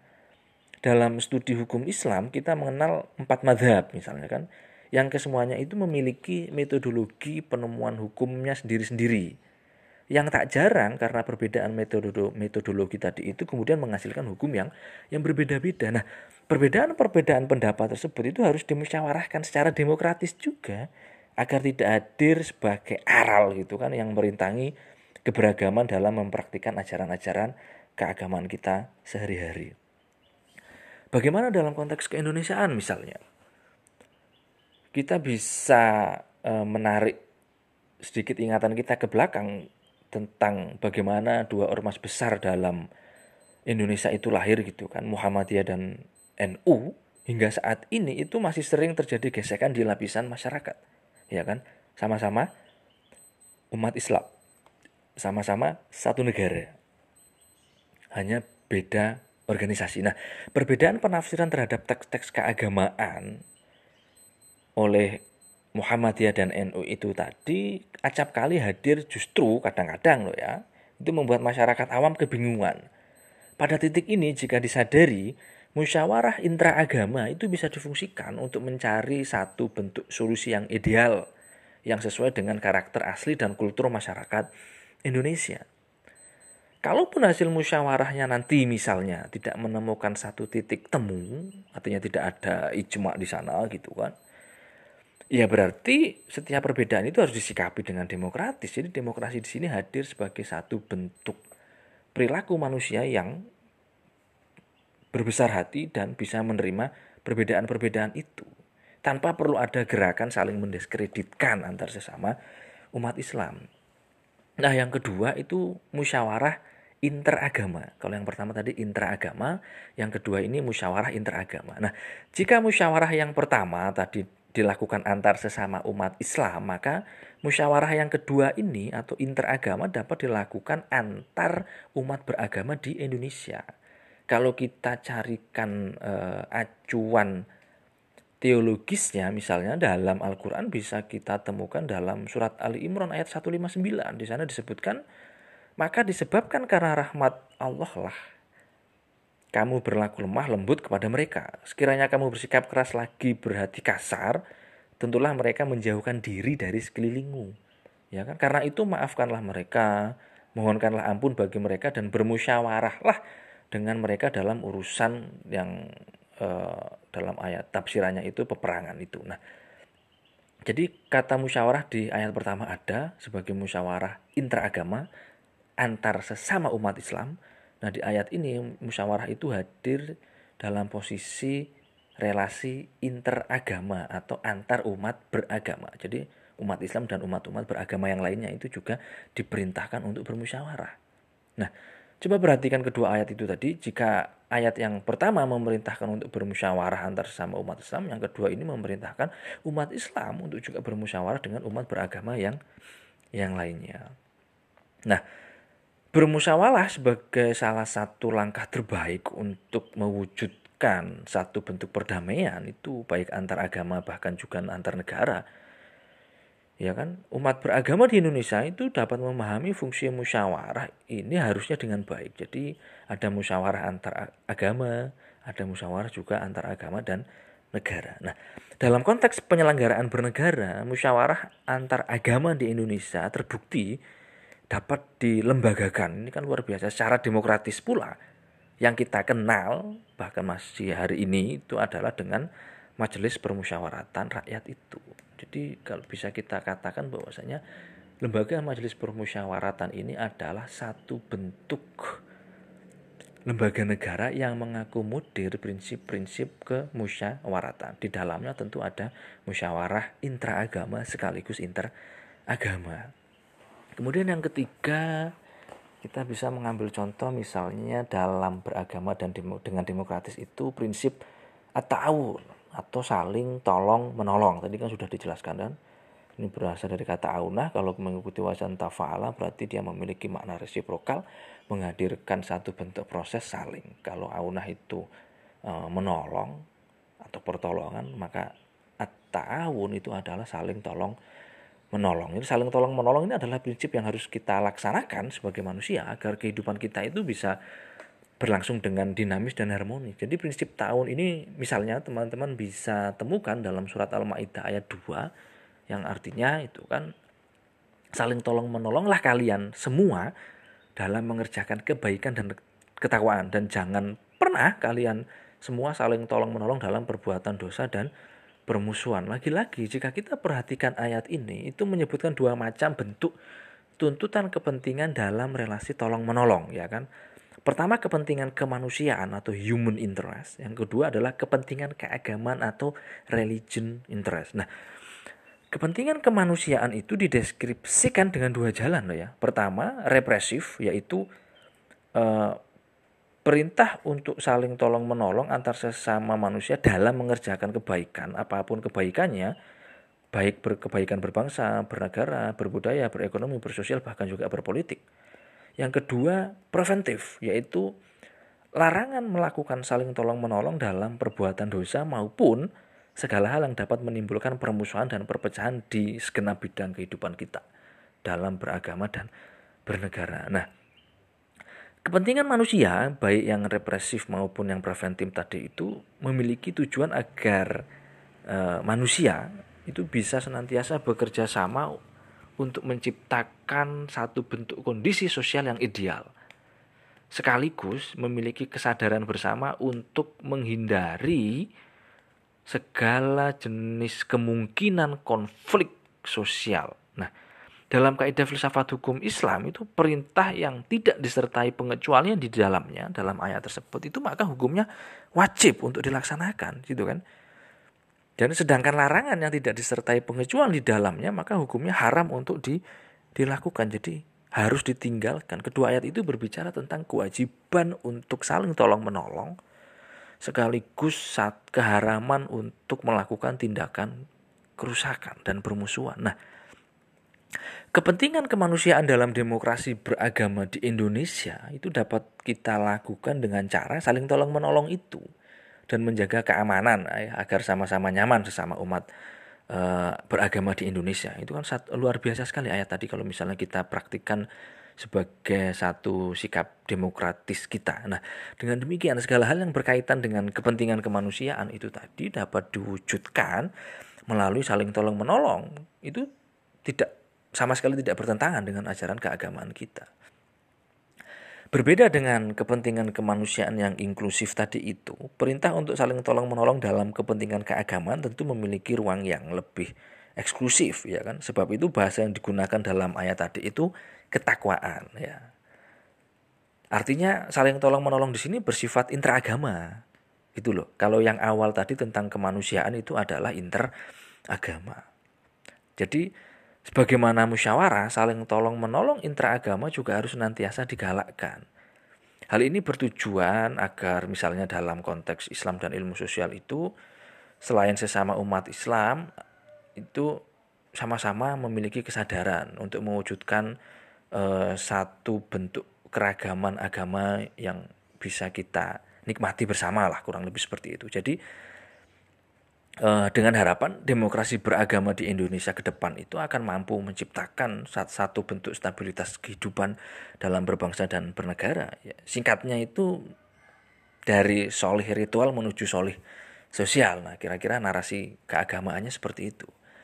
Kemudian setelah uh, ta'aruf, musyawarah dan tahun mungkin prinsip terakhir yang bisa kita diskusikan dalam relasi Islam dan demokrasi adalah prinsip kemaslahatan ya kan gagasan prinsip al-maslah atau kemaslahatan itu merupakan ide besar Imam Syatibi sebagai satu konstruk disiplin keilmuan seorang ulama dari madhab Maliki yang ia tuliskan dalam magnum opusnya kitab Al-Muwafaqat fi Syariah. Melalui prinsip al-maslahah itu, Imam Syatibi itu melakukan klasifikasi gagasan dan mekanisme sosiolegal dalam kajian filsafat hukum Islam. Nanti teman-teman uh, di semester-semester berikutnya insya Allah akan diajarkan tentang uh, prinsip kemaslahatan perspektif Imam Syatibi ini. Nah, dalam perspektif Imam Syatibi, jadi kemaslahatan itu merupakan metanorma yang harus selalu ada dalam setiap putusan hukum. Jadi tidak bisa disebut hukum kalau tidak ada kemaslahatan di sana. Dalam dalam bahasa filsafat, jadi al-maslahah itu adalah mesin penggerak rasionalitas norma hukum. Nah, al-maslahah sendiri itu kan dari bahasa Arab yang diserap dan dilakukan dan dibakukan dalam bahasa Indonesia menjadi kemaslahatan. Jadi jika at-ta'aruf, asyuro dan at-taun dientitaskan ke dunia luar melalui tindakan-tindakan, maka tindakan resiprokal keduanya itu harus memiliki kemaslahatan bagi semua warga negara. Jadi istilahnya ketiga prinsip tadi itu sebagai uh, tekniknya kemudian hasil tujuan akhirnya itu harus sama-sama mampu membentuk kemaslahatan ini. Ya kan? Artinya saling mengerti, saling mengenal satu sama lain, saling menghormati, kemudian saling bermusyawarah antar sesama umat beragama, saling tolong menolong antar sesama umat beragama itu harus dapat memberikan kemaslahatan bagi kehidupan beragama dalam berbangsa dan bernegara kita. Nah, kemudian ketika kita ingin berbicara mengenai kemaslahatan hak hidup misalnya, maka prinsip menjaga jiwa itu ya menempati posisi pertama, baru kemudian prinsip-prinsip lainnya yang difungsikan sebagai penguat. Jadi dalam kemaslahatan sendiri itu kan ada maslahat dururiyat di mana ia memiliki konsep hukum secara hierarkis. Ada lima di sana menjaga agama, menjaga jiwa, menjaga akal, menjaga uh, perekonomian, menjaga uh, sudah lima ya. Menjaga hifdzul akal, hifdzul nafas, hifdzul nas, hifdzul nafsel, kemudian hifdzul mal dan hifdzul akal. Ya, menjaga agama, menjaga keturunan, menjaga jiwa, menjaga akal, kemudian menjaga harta. Nah, dalam kaidah filsafat hukum Islam dalam konteks negara misalnya itu kita sering mendengar satu bentuk kaidah yang luar biasa tentang relasi rakyat dan pemimpinnya itu tasarruful imam ala ra'iyah manutun bil maslahah. Artinya segenap langkah dan kebijakan pemimpin dalam hal ini pemerintah itu harus memiliki kemaslahatan untuk warga negaranya. Ini kan luar biasa. Nah, pada titik ini al-maslahah itu harus dipahami sebagai common good atau public interest atau kepentingan publik. Dalam konteks keindonesiaan, prinsip al-maslahah ini diterjemahkan sangat baik oleh Gus Dur atau Kiai Haji Abdurrahman Wahid menjadi prinsip kesejahteraan. Nah, ini kan pengembangan konsep, ini sah-sah saja. Nah, Gus Dur, sapaan akrab Kiai Haji Abdurrahman Wahid itu melihat bahwa dalam bahasa Undang-Undang Dasar 1945, masyarakat sejahtera itu dirumuskan sebagai masyarakat yang adil dan makmur. Dengan demikian, pada titik ini menurut Gus Dur, orientasi kesejahteraan yang terkandung dalam filsafat hukum Islam tersebut sepenuhnya sesuai dengan Undang-Undang Dasar 1945. Ini kan luar biasa. Nah, saya pikir itu dulu yang bisa saya bagi tentang Islam dan demokrasi dalam praktiknya beragama dengan demokratis. Mohon maaf jika ada salah kata atau tutur bahasa yang tidak baku atau belibet dalam beberapa hal. Saya mohon maaf yang sebesar-besarnya. Akhirul kalam. Assalamualaikum warahmatullahi wabarakatuh.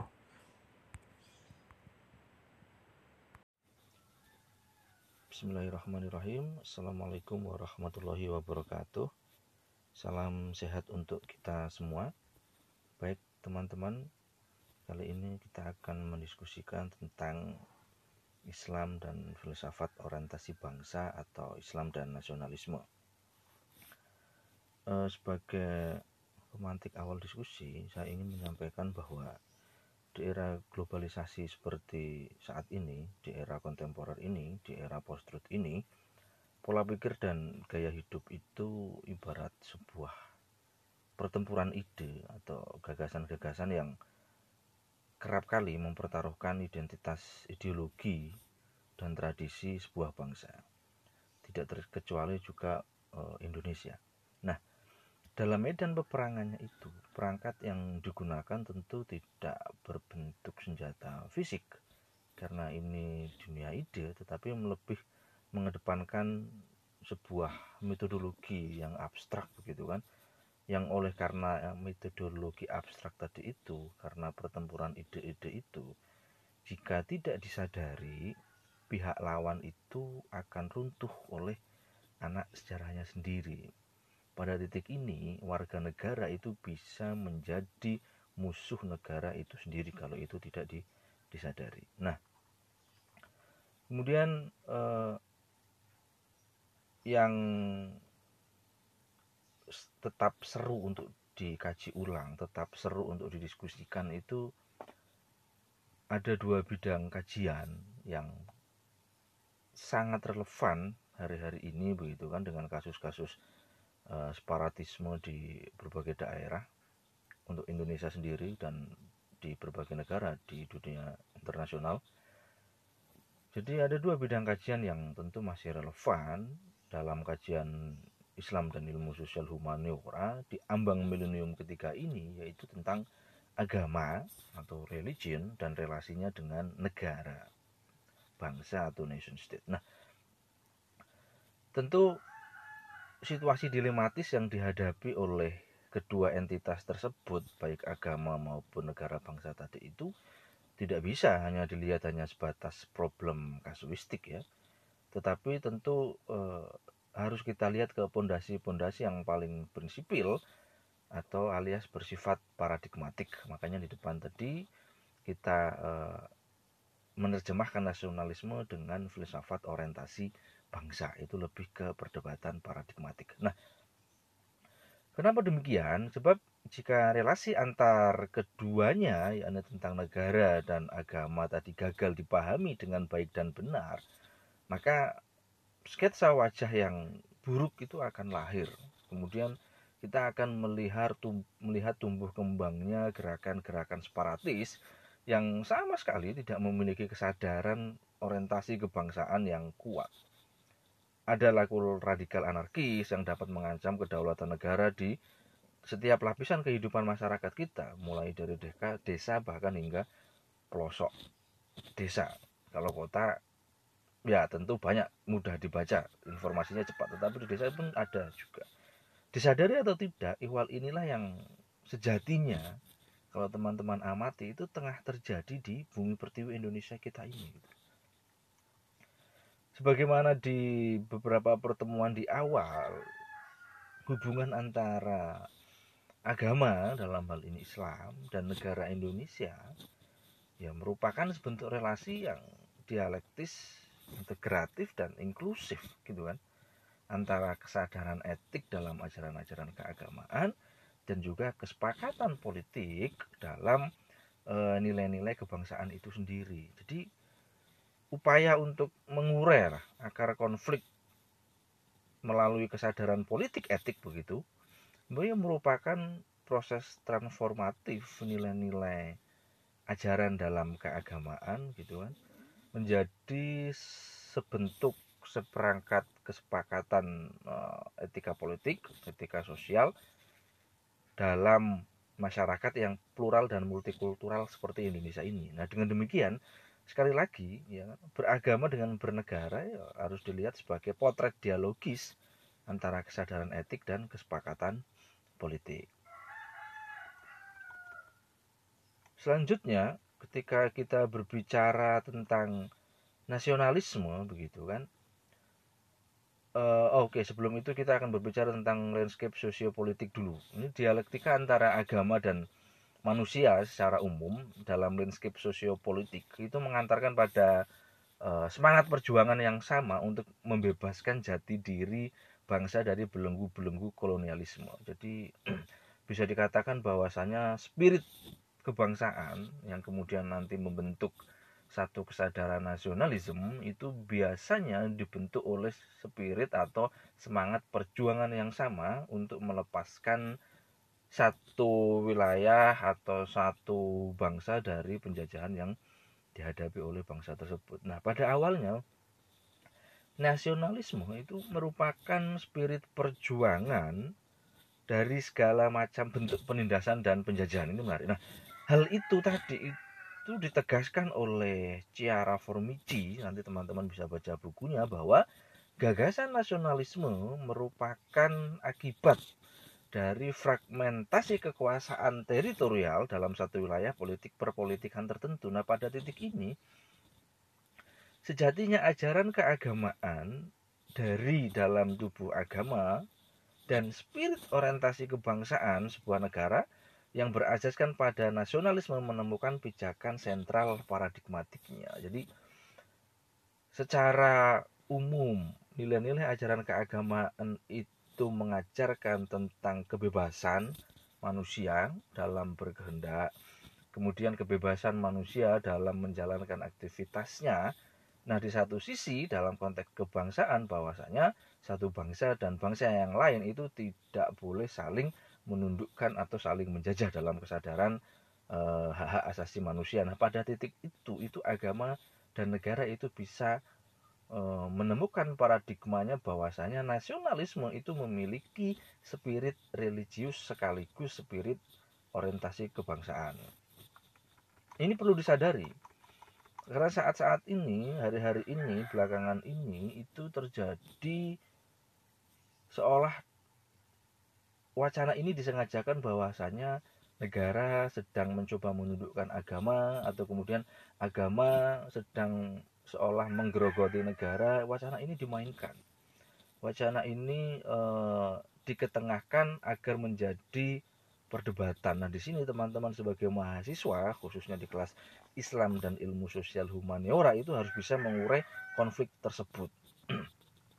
nah, mengidentifikasi terma nasionalisme itu ya harus berangkat dari bentuk dasarnya yakni nation nation sendiri ya didefinisikan oleh Christoph Jefferlot berarti bahwa orientasi sebuah negara ya kan state oriented di mana nasionalisme secara sederhana merupakan ideologi jati diri bangsa itu sendiri.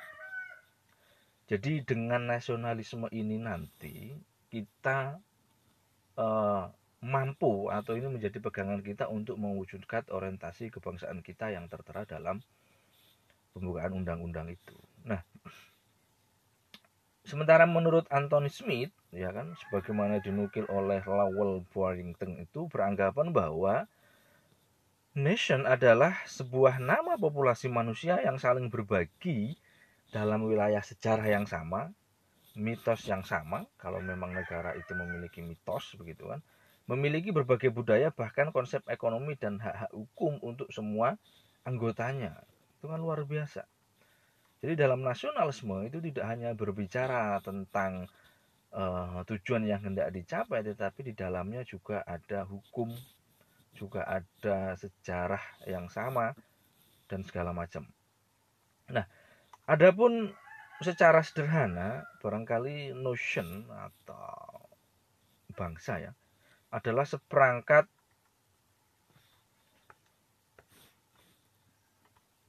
seperangkat apa ya ideologi lah seperangkat ideologi yang berakar pada rasa solidaritas sebuah bangsa. Nah, jadi di sini kita bisa tegaskan bahwasanya nasionalisme. Atau dengan negara Indonesia dengan Pancasilanya. Pancasila itu ya nasional itu sebagai ideologi bukan sebagai teologi. Jadi kalau agama Islam itu adalah teologi maka nasionalisme dan Pancasila kita posisikan sebagai ideologi. Jadi ada dua terminologi yang memiliki muatan berbeda namun saling menguatkan. Jadi jangan dibenturkan. Antara teologi dan ideologi kebangsaan ini jangan dibenturkan tetapi harus didialogkan agar bisa berjalan bersama. Nah, kemudian e, berbicara mengenai bangsa atau nation dan filsafat orientasinya atau nasionalisme ya kan?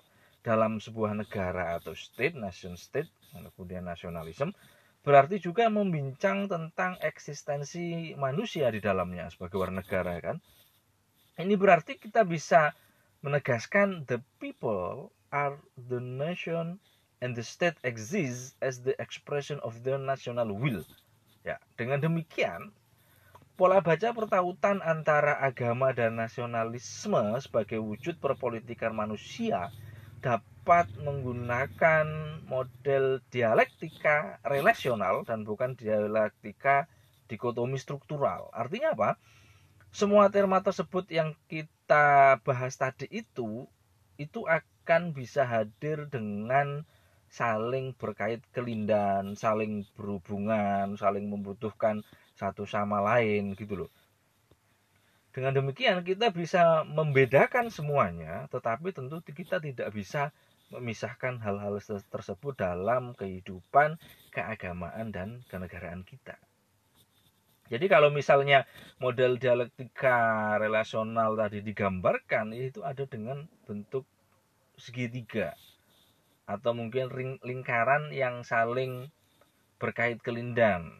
Misalnya kalau kita bu kita abstraksikan dengan lingkaran, masing-masing lingkaran itu ada religion, ada mankind, ada ada manusia ya, ada agama, kemudian juga ada nation state, ada negara bangsa yang bisa dihubungkan oleh satu jejaring lingkaran satu sama lain. Nah, jadi orientasi paham keagamaan sebenarnya adalah mengenai kepentingan umat manusia secara keseluruhan. Ini yang harus di, diamini, dipahami dan disadari. Hal inilah yang sejatinya kemudian e, menjadi makna orisinil dari kata kesejahteraan rakyat itu.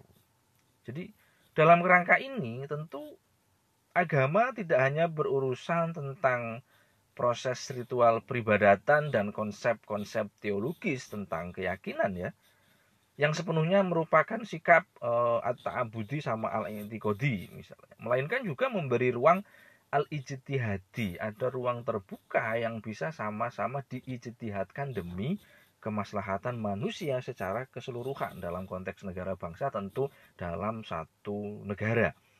Termasuk dalam soal bagaimana manusia harus membangun sistem sosial politik dalam berbangsa dan bernegara. Ini kan luar biasa. Sebagaimana yang setelah kita diskusikan di pertemuan sebelumnya itu ya agama dalam hal ini Islam tentu tidak hanya dimaknai sebagai eh, ajaran tentang ketauhidan semata tentu tidak ternyata karena memang Islam lebih daripada itu kan jadi ya setidaknya Islam itu bisa didefinisikan dengan dua tipologi eksistensial ya. Di satu sisi adalah agama atau religion yakni sebuah sistem kepercayaan dan peribadatan.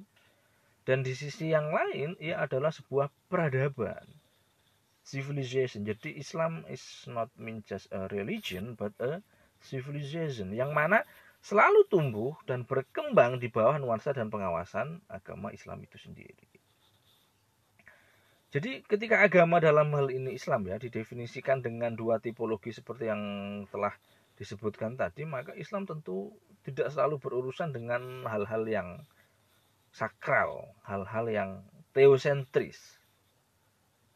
Tetapi juga Islam peduli dengan hal-hal yang plural, multikultural, dan antroposentris.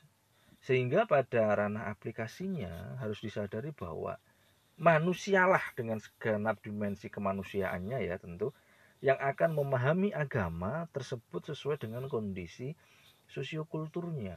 Dengan demikian, ajaran-ajaran keagamaan yang universal yang tersurat dalam teks-teks keagamaan ya kan itu bisa berdialektika dengan kehidupan manusia yang plural dan multikultural.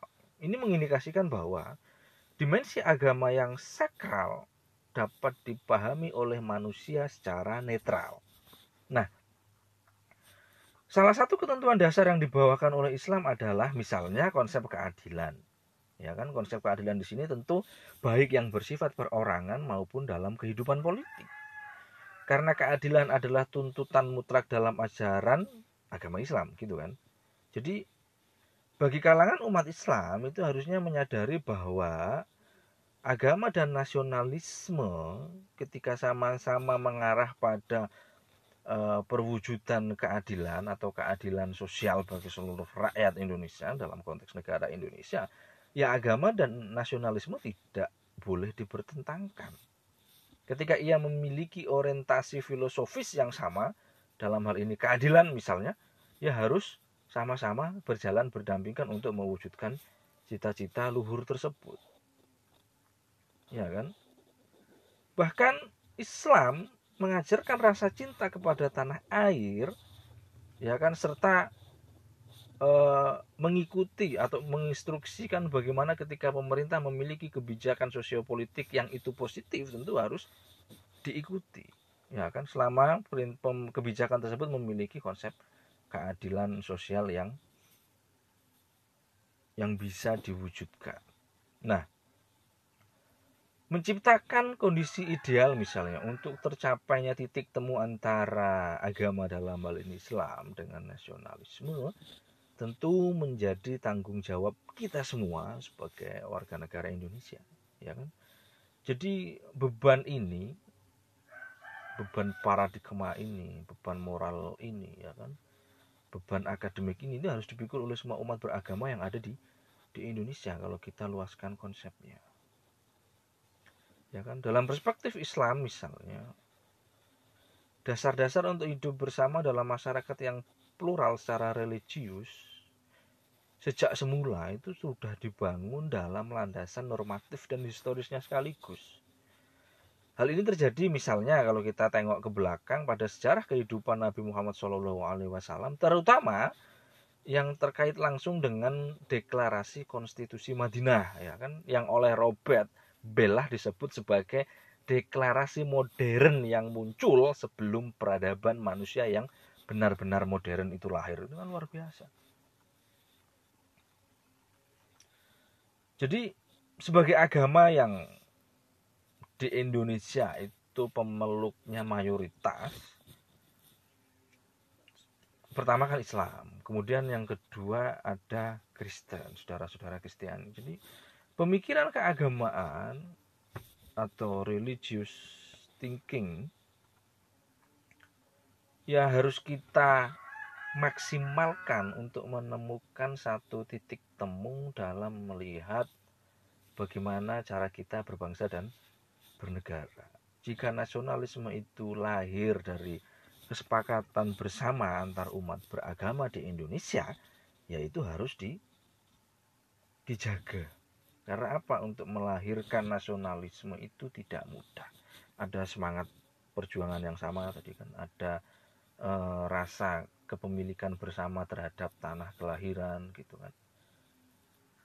Ada spirit dan air mata yang sudah tumpah bagaimana negara ini diperjuangkan. Makanya ketika agama dihadapkan oleh negara atau ada wacana bahwasanya negara sedang berupaya menggerogoti e, cara masyarakatnya beragama, tentu sampean harus memiliki argumentasi yang kuat bahwasanya agama sebagai teologi, kemudian negara yang di dalamnya ada ideologi itu tidak boleh dipertentangkan, tetapi harus berjalan beriringan. Nah, kalau kita tengok sebentar, teman-teman mungkin sudah sering dengar bahwasanya ketika Nabi berada di Madinah, itu Nabi sebegitu kangennya dengan kota Makkah sebagai tanah kelahirannya kan. Dan itu kalau kita kontekstualkan hari ini, kita bisa menyatakan bahwasanya e, pernyataan Mbah Kiai Haji Hashim Ash'ari selaku pendiri NU misalnya tentang bahwasanya mencintai negara adalah sebagian dari iman atau hubul waton minal iman itu bukan hanya memiliki pijakan historis saja, tetapi sekaligus memiliki spirit humanis dan teologis sekaligus. Itu kan luar biasa. Baik, teman-teman, saya pikir itu dulu. Mohon maaf atas segala kekurangan. Kita sambung lain waktu. Wallahu a'lam wabillahi taufik wal hidayah. Assalamualaikum warahmatullahi wabarakatuh. Baik teman-teman, Assalamualaikum warahmatullahi wabarakatuh Salam sehat untuk kita semua Kita lanjutkan diskusi kita di kelas Islam dan Ilmu Sosial Humaniora Kali ini sebagaimana yang sudah kita jadwalkan Diskusi kita adalah tentang Islam dan budaya Sebagai pemantik awal Saya ingin menyatakan bahwa Tanpa budaya agama tidak akan pernah benar-benar dapat dipahami secara utuh dan menyeluruh. Itu artinya ada uh, irisan-irisan atau arsiran-arsiran antara Islam sebagai agama dan juga budaya sebagai kreasi manusia. Irisan-irisan atau arsiran-arsiran itu nanti bisa saling bersinergi satu sama lain untuk mewujudkan satu sistem kehidupan beragama yang tidak hanya fokus pada nilai-nilai sakralitas keagamaannya namun sekaligus juga memiliki konsep-konsep tentang uh, humanisme di dalam praktik keagamaan itu sendiri. Nah, di pertemuan-pertemuannya sebelumnya kita telah telah menyinggung bahwasanya mendiskusikan Islam sebagai agama atau mendeskripsikan Islam sebagai agama tentu tidaklah tepat jika misalnya Islam dikatakan sebagai doktrin ketauhidan semata ya kan karena pada kenyataannya Islam lebih daripada itu paling tidak menurut Carl Ernst dalam Following Muhammad Rethinking Islam in the Contemporary World ia mendefinisikan Islam itu dalam dua tipologi eksistensial ya. Yang pertama, Islam sebagai agama, yakni sebuah sistem kepercayaan dan ritual peribadatan. Kemudian yang kedua adalah Islam sebagai peradaban, yakni tentang kematangan disiplin-disiplin ilmu pengetahuan di dalamnya, ya kan? Di mana kematangan disiplin-disiplin ilmu pengetahuan ini nanti yang akan mengawal gerak laju peradaban keislaman itu sendiri. Di bagian-bagian selanjutnya eh, sebelumnya kita sudah pernah membahas ini. Nah, berarti ya kan, jika memang demikian, itu berarti Islam sebagai agama tidak hanya berurusan dengan hal-hal sakral. Ya kan, seperti konsep ketuhanan. Kemudian seperti konsep e, kenabian. Seperti konsep e, hari pembalasan misalnya. Melainkan juga di saat yang sama, Islam juga intens perhatian terhadap perkara-perkara yang plural, yang multikultural tentang kemanusiaan dan kebudayaan. Nah, barangkali sebab itu ya kan dalam konteks yang lebih umum James Fawcett dalam Psychological Theories of Religion itu menyatakan bahwa agama itu pasti senantiasa memperhatikan fenomena-fenomena kemanusiaan. Nah, di mana budaya itu termasuk salah satunya. Jadi, persinggungan manusia dengan agama yang diyakininya dan budaya yang dijalankannya itu membentuk kesadaran beragama dengan berbudaya, berislam dengan berbudaya dalam konteks kelas kita. Jadi sekali lagi saya ingin tegaskan bahwasanya jika tidak ada budaya atau tanpa budaya, agama tidak akan pernah benar-benar dapat dipahami secara utuh dan dan menyeluruh. Nah, itu konsep besarnya. Kalau kita kontekstualkan dalam kehidupan kita di Nusantara misalnya, di Indonesia, jadi yang harus kita pahami secara geografis ya kan letak geografis dan sejarah Nusantara yang jauh dan berbeda dari peradaban Arab Islam dulu yaitu akan meniscayakan bahwa Islam di Nusantara itu berhak memiliki karakter budaya keagamaan yang mandiri. Ya kan?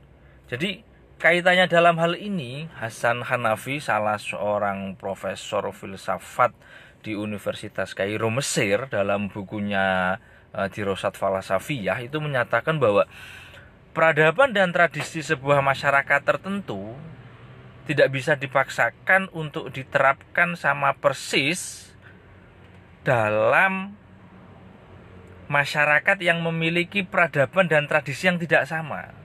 Artinya latar belakang sejarahnya itu berbeda. Ya kan? Yang memungkinkan adalah bukan dalam bentuk-bentuk praktisnya tidak, tetapi pada nilai-nilai esensialnya. Mengapa demikian? Karena masing-masing masyarakat memiliki latar belakang sejarah dan kondisi sosial budaya yang berbeda-beda. Ya kan tentu hal ini selaras dengan bunyi ayat ke-13 dalam surat Al-Husyurat eh, yang bisa teman-teman eh, buka sendiri maknanya dan tafsirnya. Jadi kalau kita berbicara tentang Islam di Nusantara atau Islam di Indonesia, ya cara kita berislam di sini tentu akan lebih ideal jika dimaknai dengan terma atau sebagai terma kultural. Mengapa demikian? Ini untuk menghindari bahwasanya tidak lantas ada eh, apa ya formalitas agama dalam kehidupan kita beragama. Dalam kehidupan kita bernegara maaf. Nah hal ini berfungsi agar cara berislam kita di Nusantara sekali lagi tidak dihadap-hadapkan dengan eksistensi negara. Ya kan? Tentang eh, berhadap-hadapan dengan eksistensi negara ini sudah kita kaji dalam Islam dan filsafat orientasi bangsa kemarin. Teman-teman bisa mendengarkan ulang di sana. Artinya, jadi cara kita berislam di Nusantara itu hadir justru untuk menegaskan identitas kebangsaan Indonesia itu sendiri. Nah, sebagai sebuah gagasan beragama misalnya dengan kesadaran berbudaya tentunya Islam Nusantara sebagai satu konsep eh, pemikiran atau gagasan ini saya ambil contoh nanti teman-teman bisa mengembangkan dari contoh kita ini misalnya ke konsep Islam berkemajuan yang digagas oleh uh, Muhammadiyah kalau Islam Nusantara adalah gagasan Nahdlatul Ulama pada muktamar ke-33 di Jombang dengan tema meneguhkan Islam Nusantara untuk peradaban Indonesia dan dunia pada tahun 2015 yang silam. Nah, dengan tema besar tersebut kita bisa memotret bahwa saat ini digitalisasi era disrupsi bahkan era post truth ya berupa gempuran-gempuran globalisasi budaya itu merupakan salah satu pilar yang bisa menjaga nilai-nilai esensial dalam sebuah negara. Artinya apa? Jika budaya ini tidak dilindungi, jika budaya ini tidak dijaga, jika budaya ini tidak dibingkai dalam uh, kanvas teoritik sosial keagamaan yang moderat, tentu ya kan bangsa itu akan runtuh oleh anak sejarahnya sendiri. Nah, pada titik ini relasi antara Islam dan budaya atau beragama dengan berbudaya adalah sebagai kehadiran dalam bentuk nasionalisme modern ya kan dalam kehidupan kita berbangsa dan bernegara. Jadi benar dikatakan bahwasannya Islam itu memiliki nilai ajaran yang universal namun mengizinkan bentuk praktik yang tidak tunggal. Nah, nilai ajaran Islam yang universal tadi itu merupakan entitas keberagamaan yang dapat diterima oleh siapa saja yang meyakininya, di mana saja tempatnya dan kapan saja waktunya. Yang perlu diingat adalah atau yang perlu kita sadari bersama adalah ketika nilai keagamaan yang universal tadi itu bersinggungan dengan tradisi sosial budaya dalam sebuah lingkungan masyarakat tertentu, sekali lagi saya tegaskan, praktik keagamaannya berhak untuk tidak seragam. Artinya apa? Akan ada perbedaan-perbedaan dalam konteks praktisnya. Ya, jadi diskusi tentang Islam dan budaya ini kemudian e, melahirkan satu pertanyaan kritis dari Muhammad Arkun dalam bukunya Al-Quran Minat Tafsir Al-Maurus ila Tahlil Hitab Adini jadi Arkun itu mempertanyakan e, bahwa negara-negara yang penduduknya mayoritas muslim seperti Arab, kemudian Turki, termasuk Indonesia bagi ia itu masih belum benar-benar dapat memproduksi gagasan keagamaan dengan ritme-ritme ilmu sosial budaya. Ini tantangan ya. Tantangan bagaimana setiap negara yang berpenduduk mayoritas muslim dengan budayanya masing-masing itu bisa menghadirkan Islam yang sangat humanis berdasarkan kebudayaan masyarakat pemeluknya di tempat tersebut. Jadi bagi Arkun ini bagi Arkun ya. Jadi selain harus didekati dengan penafsiran linguistik, Al-Quran itu mestinya didekati dengan perspektif antropologis. Itu bagi Arkun. Nah, cara berislam kita di Nusantara itu hadir untuk menjawab tantangan atau pertanyaan kritis tersebut. Itu bisa kita gunakan. Jadi sebagai gagasan relasi antara Islam dan budaya, antara cara kita beragama di Nusantara atau di Indonesia, ya kan? Cara berislam kita itu ya merupakan seperangkat perspektif untuk memahami nilai-nilai esensial ajaran keagamaan dengan senantiasa mempertimbangkan latar belakang budaya masyarakat kita di Indonesia ini yang tentunya tidak saat tidak tunggal, tidak satu warna, tetapi sebaliknya plural, warna-warni, beda-beda. Ya kan, budaya kita jangankan antar pulau, dalam satu pulau pun budaya kita itu sudah berbeda-beda. Jangankan dalam satu pulau, dalam satu provinsi pun budaya kita itu juga sudah ber, berbeda-beda. Jawa Timur misalnya, daerah sekitaran Surabaya, itu memiliki budaya sendiri. Kemudian sekitaran e, Tuban, Lamongan itu memiliki budaya sendiri. Kemudian e, yang agak ke barat seperti Madiun, Ponorogo, Ngawi itu memiliki budaya sendiri padahal masih dalam lingkup satu provinsi. Jadi Indonesia itu sangat luar biasa. Dan budaya setiap daerah bahkan setiap provinsi kita dan kalau kita breakdown ke bawah bahkan setiap kabupaten itu harus dilestarikan. Agar apa?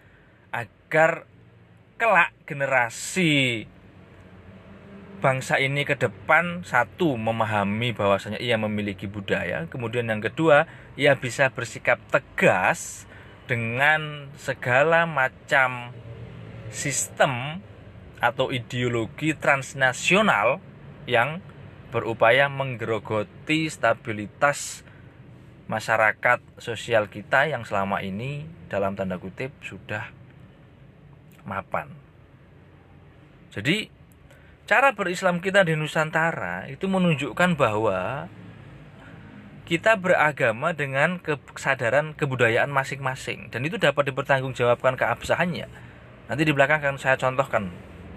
Jadi pada titik ini cara kita berislam di Indonesia atau di Nusantara dalam konteks umum adalah dapat kita fungsikan sebagai satu bentuk sosio anthropological theories of religion.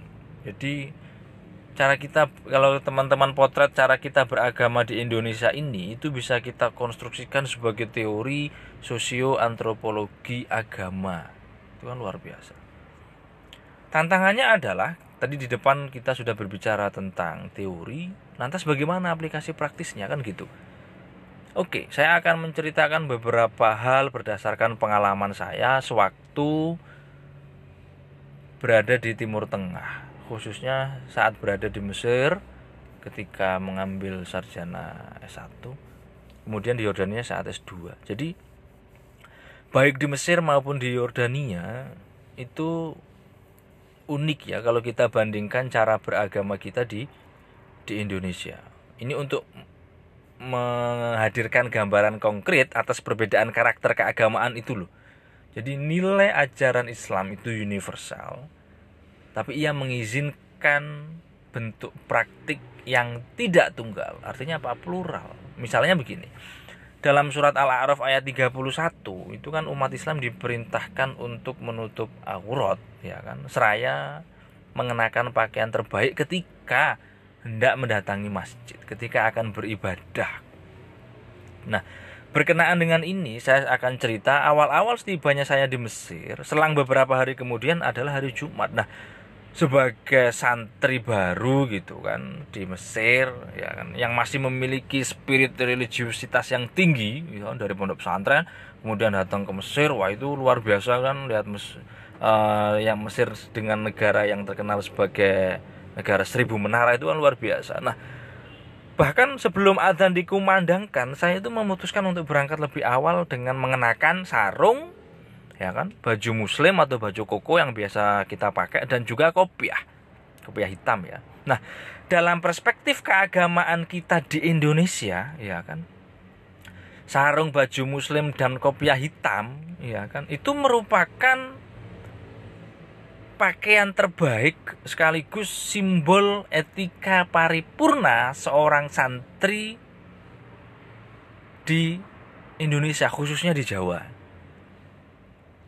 Jadi sebelum saya lanjutkan ceritanya, sarung, baju muslim dan kopiah hitam atau mungkin sorban itu adalah simbol paripurna tokoh agama di di Indonesia khususnya Islam.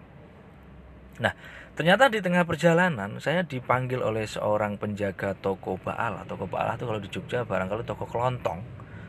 Dengan tatapan yang curiga, aneh gitu ya, penuh persoalan gitulah. Kemudian ia bertanya kepada saya bahwasanya kamu mau ke mana? Ya saya jawab, saya akan ke masjid. Mau ke mana lagi? Ini kan hari Jumat begitu kan? Tetapi dia heran. Dia menanyakan sekali lagi, apakah benar kamu serius mau pergi ke masjid dengan mengenakan pakaian aneh ini. Jadi simbol etika paripurna tadi itu di mata dia sebagai orang yang bukan dari Indonesia ya, itu aneh. Saya penasaran tentu. anehnya di mana begitu kan karena ini adalah simbol budaya keagamaan di Indonesia ketika mendatangi tempat beribadah khususnya laki-laki ketika hari Jumat ya kan. Pakai sarung baju muslim dan kopiah hitam. Langsung ia memekikkan istirja langsung innalillahi wa inna ilaihi rajiun. Kan saya kaget. Akhirnya saya tanyakan emangnya ada apa ton? Jadi sekali lagi dia mempertanyakan apakah jenengan itu serius mau ke masjid dengan menggunakan uh, izar sarung gitu kan seperti ini gitu apakah anda sadar? Apakah anda tidak malu? Jadi semakin ke belakang itu eh, tatapan sinis dengan apa yang saya kenakan itu semakin terasa. Saya jadi semakin penasaran juga. Jadi pertanyaan yang bertubi-tubi tadi itu kemudian mengharuskan saya untuk menimbali baiklah kira-kira apa yang perlu saya tahu apa yang harus saya pahami dan apa yang dalam tanda kutip tidak tepat dari apa yang saya kenakan ini. Nah, dia menjawab dengan sabar ya menjelaskannya bahwa dalam tradisi masyarakat Arab Mesir ya kan kain semisal izar atau sarung ya yang kita pakai di bawah itu itu hanya digunakan dalam satu ruangan di dalam rumah. Coba bayangkan. Hanya dalam satu ruangan di dalam rumah. Ya ini apa? Hanya di kamar tidur aja unik kan? Satu ruangan dalam rumah loh ya di kamar tidur dan ruangan itu kamar tidur. Bukan kamar uh, bukan ruang tamu bukan atau dapur bukan tetapi di kamar tidur. Itu kan luar biasa. Ya teman-teman bisa uh, mengabstraksikan sendiri kenapa ada pemisahan ruang itu sendiri begitu kan? Nah jadi bagi masyarakat As uh, Arab Mesir itu mengenakan izar atau sarung di ruang publik itu adalah aib. Sekali lagi saya sampaikan dulu ya. Dulu masyarakat Mesir melihat kita mengenakan sarung keluar atau dalam budaya mereka sarung itu kalau dipakai keluar kamar apalagi sampai keluar rumah itu aib. Itu luar biasa. Sementara di Indonesia itu adalah simbol etika paripurna ya kan. Bahkan kiai itu mengenakan sarung baju muslim dan kopiah.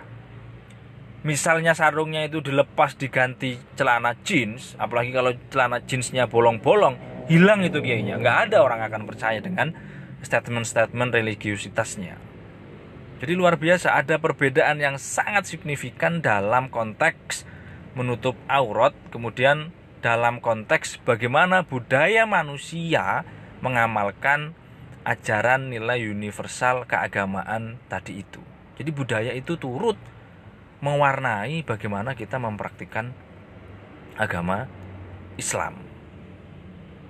Ya kan? Dan berdasarkan cerita tadi, semenjak saat itu saya tidak pernah mengenakan sarung keluar dari kontrakan. Nggak pernah, selalu pakai celana. Saat ini e, nampaknya fenomena itu sudah mulai bisa dipahami oleh masyarakat Mesir karena beberapa teman e, berdasarkan uploadan uploadan foto di sosial media mereka sudah banyak yang pakai sarung seliuran ke sana ke sini keluar rumah. Nampaknya orang Mesir sudah mulai bisa menerima bahwasanya dalam budaya Indonesia itu pakai sarung adalah yaitu bagaimana cara paling sempurna, cara paling etis untuk melakukan ibadah meskipun dalam pandangan masyarakat Arab Mesir itu aib.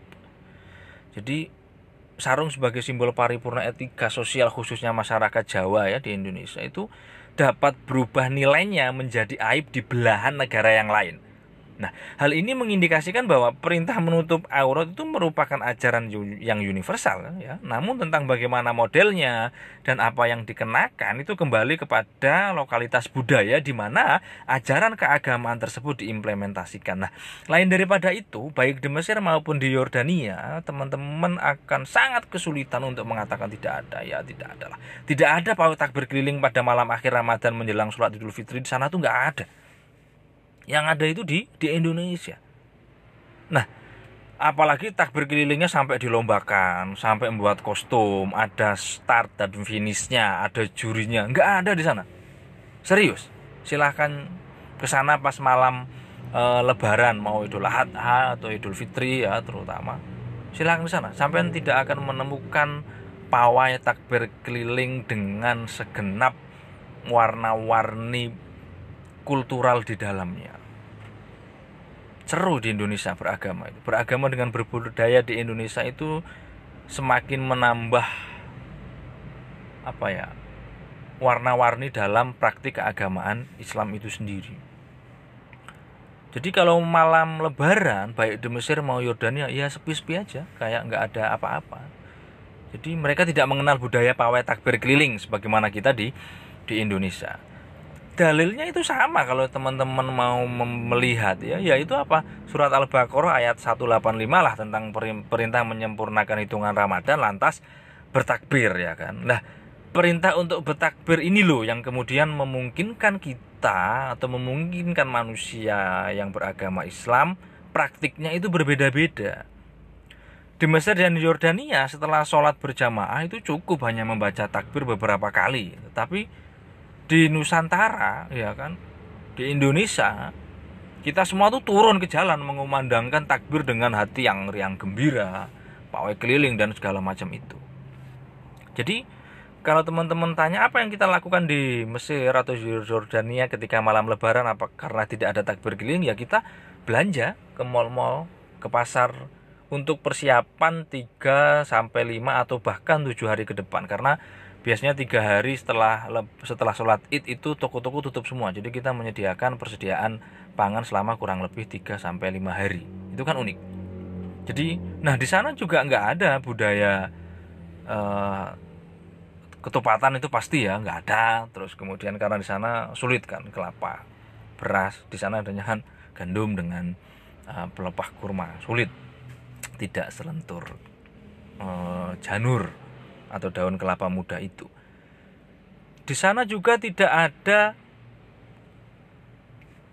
model silaturahim halal bihalal yang bahkan selama lebaran itu pintu hanya tertutup saat malam aja. Selain itu kan kalau di Indonesia tuh pintu dibuka terus. Siapa yang datang monggo salaman silaturahim maaf maafan kemudian makan makan di Arab dan sorry di Mesir dan Jordania tidak ada budaya itu. Setelah sholat itu tutup semua tokonya tutup rumah-rumah tutup. Jadi e, mereka di dalam rumah. Nggak ada budaya open house itu sangat jarang sekali saya temui. Jadi untuk mengobati rasa kangen biasanya teman-teman yang kuliah di Mesir, di Mesir atau di Yordania itu mengadakan open house dan halal bihalal sendiri sesama e, daerah yang asal daerahnya sama atau sesama organisasi atau sesama alumni tertentu gitu. Jadi sekali lagi mereka tidak mengenal budaya halal bihalal ya kan buka pintu terima tamu selama kurang lebih satu minggu di seperti budaya kita di Indonesia ini nggak ada di sana. Nah baik di Mesir dan di Yordania juga selama saya belajar di sana itu tidak ada ngabuburit sambil bermain meriam bambu itu nggak ada di sana pas e, menunggu jelang buka puasa misalnya nggak ada di sana. Anak-anak kecil mainan bambu pakai bambu meriam itu nggak ada di sana. Atau meriam bambu yang nggak ada di sana. Jadi unik di sana. Nggak ada pengajian umum yang jamaahnya sampai meluber ke jalan raya polisi menjaga e, keamanan jalannya pengajian jalan uh, sudut sana sudut sana sudut sana ditutup karena ada sholawat gede-gedean pengajian besar-besar. Tidak ada di sana. Di Mesir di sana nggak pernah saya temuin apalagi sampai bis-bisan gitu kan wah riang gembira nggak ada di sana. Unik budaya kita untuk mempraktikkan silaturahim di Indonesia itu benar-benar sangat warna-warni sangat asik. Jadi nggak ada ya yasinan bergiri setiap malam malam Jumat itu nggak pernah saya temui juga. Unik jadi apalagi macam kongko kongko model makiyahan kalau teman-teman besok ke Jogja eh, ngaji bersama jamaah makiyahnya Cak Nun itu kan itu kan luber banyak lama. Itu di sana di Arab nggak akan ada nggak akan ada seperti uh, model pengajian Cak Nun yang Eh, mengakomodir semua masyarakat tanpa membedakan kelas duduk bareng ngaji bareng. Di sana nggak ada apalagi sampai berjam-jam lewat jam 12 malam nggak ada. Wah pasti di orak-orak sama diobrak-obrak sama polisi itu kalau di Mesir dan di Yordania. Nggak ada itu. Jadi cara beragama kita itu di Indonesia sangat unik sekali sangat warna-warni sekali dan sangat indah. Nah, kemudian yang yang menjadi permasalahan adalah cara beragama kita di Indonesia tadi yang e, beradaptasi dengan budaya kita di Indonesia itu dihardik dengan beberapa golongan masyarakat ya kan yang dalam tanda kutip menerima ideologi transnasional. Kemudian ia menolak segenap praktik budaya yang ada di Indonesia. Yang keluar adalah ya hardikan, bid'ah yang sesat lah, tidak pernah diajarkan Nabi lah, tidak ada di Arab ya memang tidak ada. Karena apa? Karena karakteristik karakteristik budaya kita di Nusantara itu berbeda dengan budaya Arab Islam.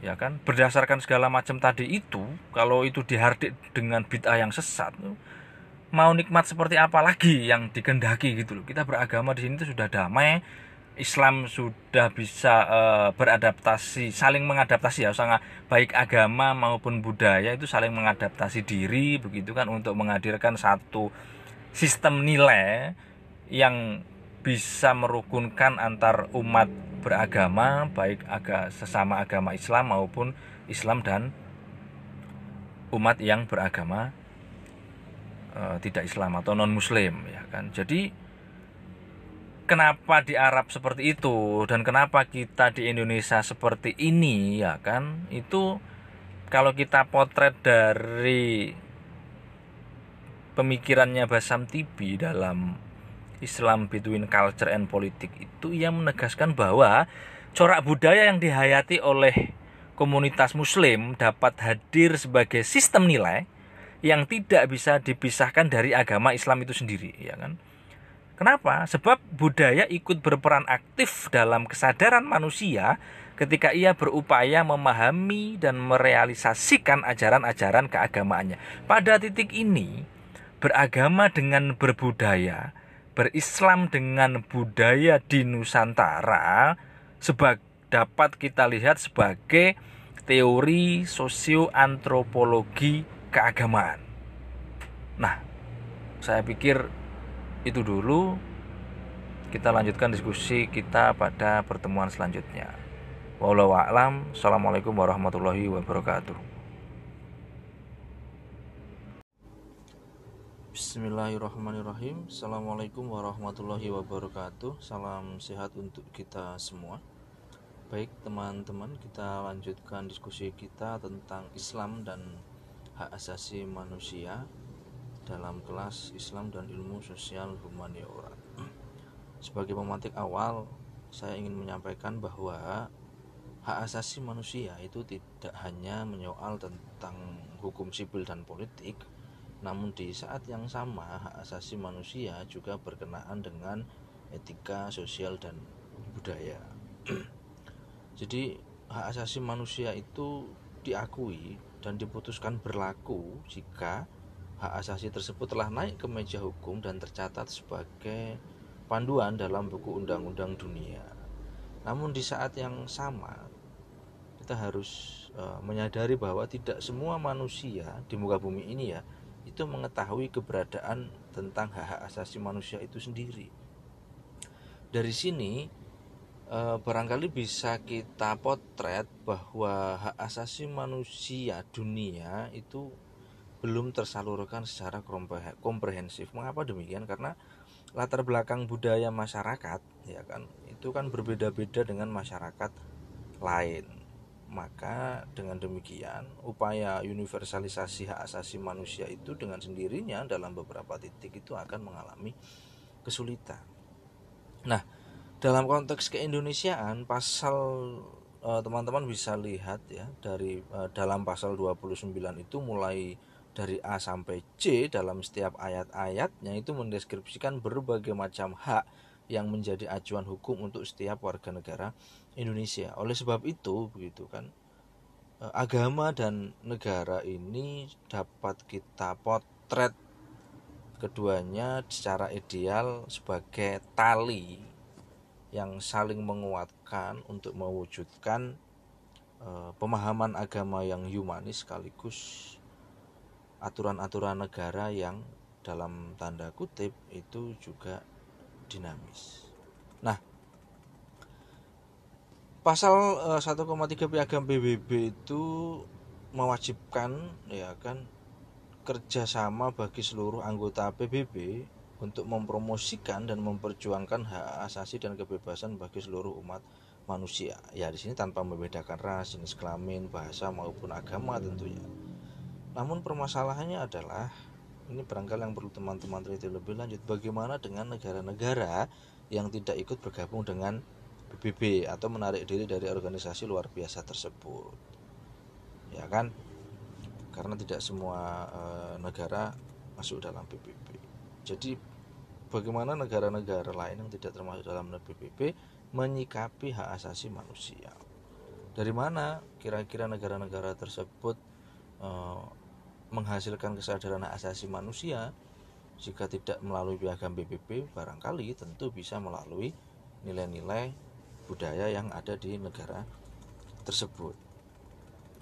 Jadi eh, yang perlu kita tumbuh kembangkan ya kan kajian hak asasi manusia dalam kerangka hukum khususnya dalam perspektif Islam dalam khasanah pemikiran Islam itu uh, sudah banyak. Jadi teman-teman bisa baca itu banyaklah tentang kajian hukum itu sendiri. Tetapi yang menarik adalah yang ingin saya sampaikan adalah ada beberapa hal yang harus sama-sama kita pahami bahwasanya sebelum kita jauh berbicara tentang hak asasi manusia itu ada hak-hak kemanusiaan yang mengikutinya sekaligus hak-hak kemanusiaan yang menyempurnakannya. Begitu ya. Jadi begini. Hak asasi manusia atau human rights eh, dalam bahasa Arabnya itu disebut dengan al-hukuk al-insaniyah. Dalam perspektif Islam, al-hukuk al-insaniyah ini atau human right ini sebelumnya itu didahului dengan konsep human nature atau atobiah al-insaniyah. Jadi teman-teman secara ideal sebelum berbicara tentang hak asasi manusia, teman-teman itu sudah harus lebih dulu memahami tentang human nature itu atau atobiah al-insaniyah. Nah, ketika teman-teman sudah mendapatkan pemahaman yang komprehensif tentang atobiah al-insaniyah ini, baru kemudian bisa berbicara lebih jauh tentang hak asasi manusia itu. Nanti akan saya contohkan. Nah, dari atobiah al-insaniyah ke al-hukuk al-insaniyah ada hak-hak kemanusiaan lain yang statusnya sebagai penyempurna yaitu apa? Human dignity atau al-karomah al-insaniyah jadi yang pertama tadi tobiah insaniyah atau human nature, kemudian al-hukuk al-insaniyah atau human right, hak asasi manusia, dan yang terakhir adalah al-karomah al-insaniyah atau human dignity. Jadi tidak bisa semata semana e, semata-mata mengatasnamakan hak asasi manusia tapi mengeliminir e, tabiat manusia atau mencederai karomah atau martabat manusia itu sendiri. Jadi begitu ya. Kalau teman-teman berbicara tentang hak asasi manusia itu potret dari dua sisi sekaligus. Yang pertama dari sisi tabiat manusianya atau human nature. Kemudian yang kedua hak asasi manusia yang didiskusikan ini dia mencederai atau tidak tentang martabat manusia itu sendiri. Contohnya begini misalnya.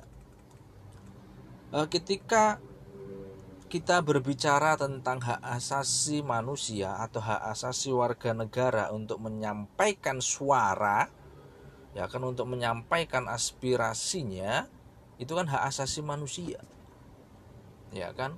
Sebelum berbicara mengenai itu lebih jauh potret hak tersebut dari yang paling asal yaitu human nature tabiat manusia Misalnya tabiat manusia adalah saling berkomunikasi dalam konteks hak asasi warga negara atau manusia untuk apa namanya bersuara tadi ya harus kita petakan.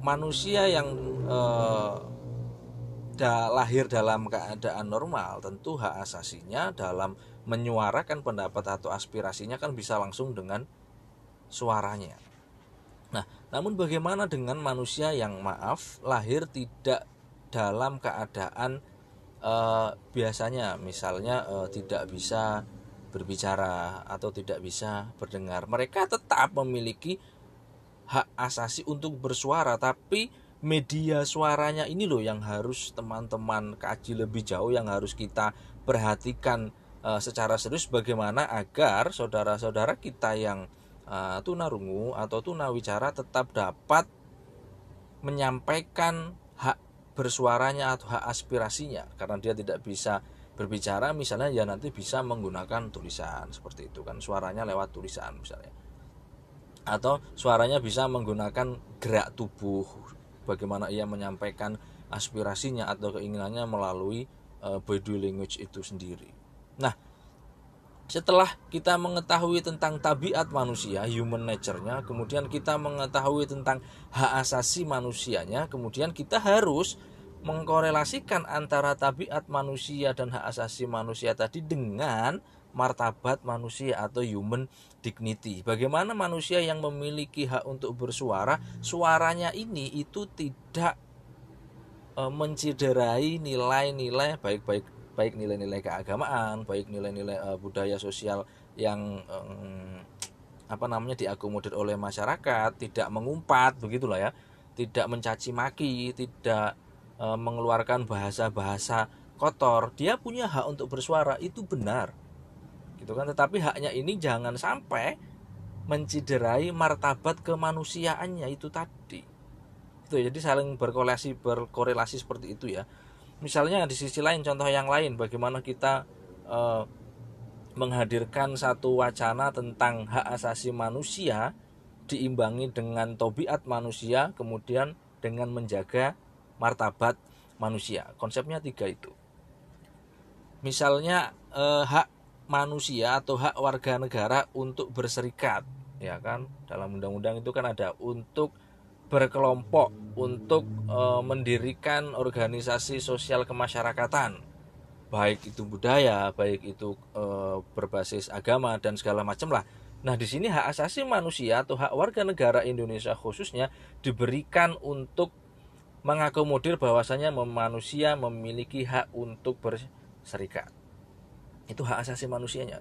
Kalau kita kaji sebelumnya di tabiat manusia, di human nature-nya, maka kita bisa menemukan bahwa manusia pada dasarnya ya kan merupakan makhluk sosial. Karena manusia secara nature ini ia makhluk sosial, maka diakomodirlah hak untuk bagaimana manusia itu bisa bersosial dalam hak asasi manusia yaitu hak untuk berserikat, hak untuk berkumpul, hak untuk uh, aktif, hak untuk membangun atau hak untuk mendirikan organisasi masyarakat, sosial masyarakat ya. Nah, dari human nature, kemudian hak asasi manusia ini kemudian jangan sampai kan gitu. Hak asasi manusia tentang perserikatan, tentang perkumpulan, tentang organisasi sosial masyarakat ini menciderai martabat manusia itu sendiri atau human dignity. Nah, jadi perserikatan yang dilegalkan secara hukum dan dianggap sebagai hak itu sebagai hak asasi manusia, maka persyarikatan atau perkumpulan atau organisasi sosial yang tidak kan gitu menciderai martabat manusia itu sendiri. Misalnya tidak melakukan perkumpulan atau tidak bergabung dengan organisasi-organisasi yang ekstrim. Tidak bergabung dengan organisasi-organisasi yang radikal gitu loh. Tidak bergabung dengan eh, kelompok-kelompok yang selalu membuat resah masyarakat. Jadi kalau misalnya ada yang e, menggunakan hak asasi manusia bahwasanya ini hak saya untuk untuk berkumpul untuk bersosial dengan kelompok ini. Sampean bisa mengkritisi Mas benar itu hak sampean. Tapi hak asasi manusia itu harus diikuti dengan human dignity dengan martabat manusia. Jangan sampai hak asasi manusia ini kemudian mencederai martabat manusia. Baik ia yang masuk dalam kelompok radikal atau ekstremis itu maupun uh, nanti kan uh, akan muncul uh, konflik di tengah masyarakat itu sendiri karena kelompok tersebut berlaku eksklusif misalnya. Jadi teman-teman harus bisa mengkorelasikan antara human nature, human right sama human dignity. Jadi antara tabiat manusia, hak asasi manusia dan martabat manusia. Saya pikir itu dulu yang bisa saya bagi. Mohon maaf atas segala khilaf. Walau alam. Assalamualaikum warahmatullahi wabarakatuh. Baik teman-teman, Assalamualaikum warahmatullahi wabarakatuh Kita lanjutkan diskusi kita tentang Islam dan hak asasi manusia dalam kelas Islam dan ilmu sosial humaniora sebagai pemantik awal, saya ingin menyatakan bahwa hak asasi manusia itu tidak hanya menyoal tentang hukum sipil dan politik, tetapi di saat yang sama berkenaan juga dengan etika, ekonomi, sosial, dan budaya. Jadi, hak asasi manusia itu dapat diakui ya kan, setelah sebelumnya diputuskan berlaku jika telah naik ke meja hukum dan tercatat sebagai panduan dalam buku undang-undang dunia. Namun, di saat yang sama, hak asasi manusia ini memiliki tantangan ya, apalagi dalam era digital seperti ini, bagaimana hak asasi manusia ini dapat dimaknai sebagai pedoman hidup manusia yang ada di di dunia ini. Tantangannya adalah latar belakang sejarah kebudayaan yang berbeda antara satu masyarakat dengan masyarakat yang lain di belahan dunia ini ya kan yang kemudian memunculkan nilai-nilai yang berbeda ini yang menjadikan universalisasi human rights itu dalam beberapa titik akan mengalami kesulitan. Nah, dalam konteks keindonesiaan teman-teman bisa baca pasal 28 ya kan mulai dari A sampai J itu dalam setiap ayat-ayatnya itu mendeskripsikan berbagai macam hak yang menjadi acuan konstitusi untuk setiap warga negara. Oleh sebab itu gitu kan. Antara agama dalam hal ini Islam dan negara dalam ini Indonesia, Indonesia melalui pasal-pasalnya itu itu harus dilihat sebagai relasi dialogis integratif bahwasanya baik agama maupun negara sama-sama bercita-cita untuk mewujudkan masyarakat yang humanis kan gitu. Nah, sebagai pengantar umum ya kan pasal 1.3 piagam PBB itu mewajibkan kerjasama bagi seluruh anggota PBB untuk mempromosikan dan memperjuangkan hak-hak asasi dan kebebasan bagi seluruh umat manusia. Tentu tanpa membedakan ras, jenis kelamin, bahasa maupun agama. Namun permasalahannya adalah bagaimana dengan negara-negara yang tidak ikut bergabung dengan PBB misalnya atau menarik diri dari organisasi luar biasa tersebut apakah kemudian mereka tidak memiliki satu konstruksi hak asasi kemanusiaan tentu tidak juga karena pada dasarnya hak asasi manusia itu kan dibentuk berdasarkan nilai-nilai yang diamini oleh masyarakat setempat. Jadi meskipun ada negara misalnya yang tidak tergabung dengan PBB, PBB tidak lantas kemudian ia memarginalkan konsep hak asasi manusia itu tidak demikian situasinya tentunya. Nah,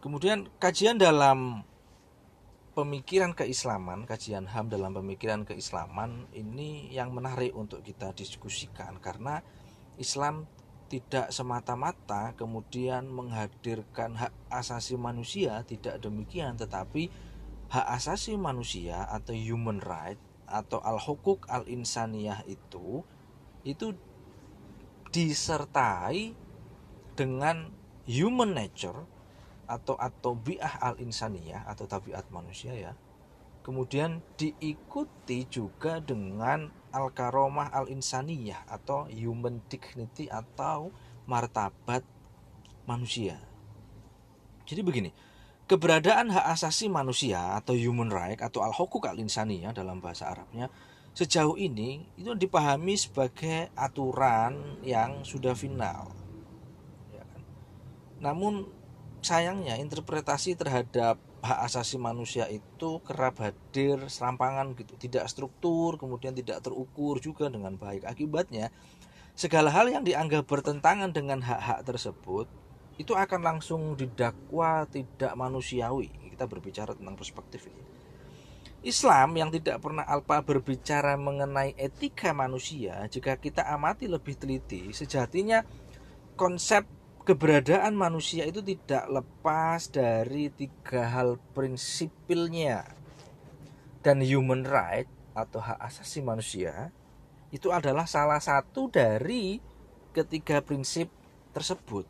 Jadi begini, kemanusiaan itu kan tentang eksistensi nilai-nilai paling manusiawi yang terdiri dari tiga prinsip. Pertama, misal tabiat manusia atau human nature atau atau bi'al insaniyah ini tentang memahami manusia sebagai sesuatu yang ada. Jadi harus benar-benar dijaga keadaannya dari segala hal yang dapat memusnahkannya. Nanti contohnya kita diskusikan di belakang. Kemudian yang kedua adalah hak-hak asasi manusia. Ini yang sedang kita bicarakan human right atau al-hukuk al-insaniyah. Hal ini tentang bagaimana kita memahami manusia berdasarkan hak-haknya sebagai makhluk hidup yang tidak hanya sekedar ada. Jadi setelah manusia itu ada, manusia itu lahir, apa hak-haknya yang harus di, diberikan kepadanya. Kemudian yang ketiga tidak hanya berhenti di situ. Yang ketiga adalah martabat manusia itu sendiri atau human dignity atau al-karomah al-insaniyah. Hal ini sebagai puncak kesadaran untuk memahami hakikat kemanusiaan. Dengan demikian, Segala hal yang dapat menciderai nilai-nilai kemanusiaan yang terkandung dalam tabiat manusia, hak asasi manusia, dan martabat manusia tadi itu ya berarti merupakan upaya-upaya pemarginalan harga diri dari tubuh manusia itu secara perlahan. Contoh simpelnya seperti ini misalnya. Kalau teman-teman baca pada pasal 28 itu ada di dalamnya membahas tentang hak bersuara atau manusia itu memiliki hak untuk menyampaikan aspirasinya.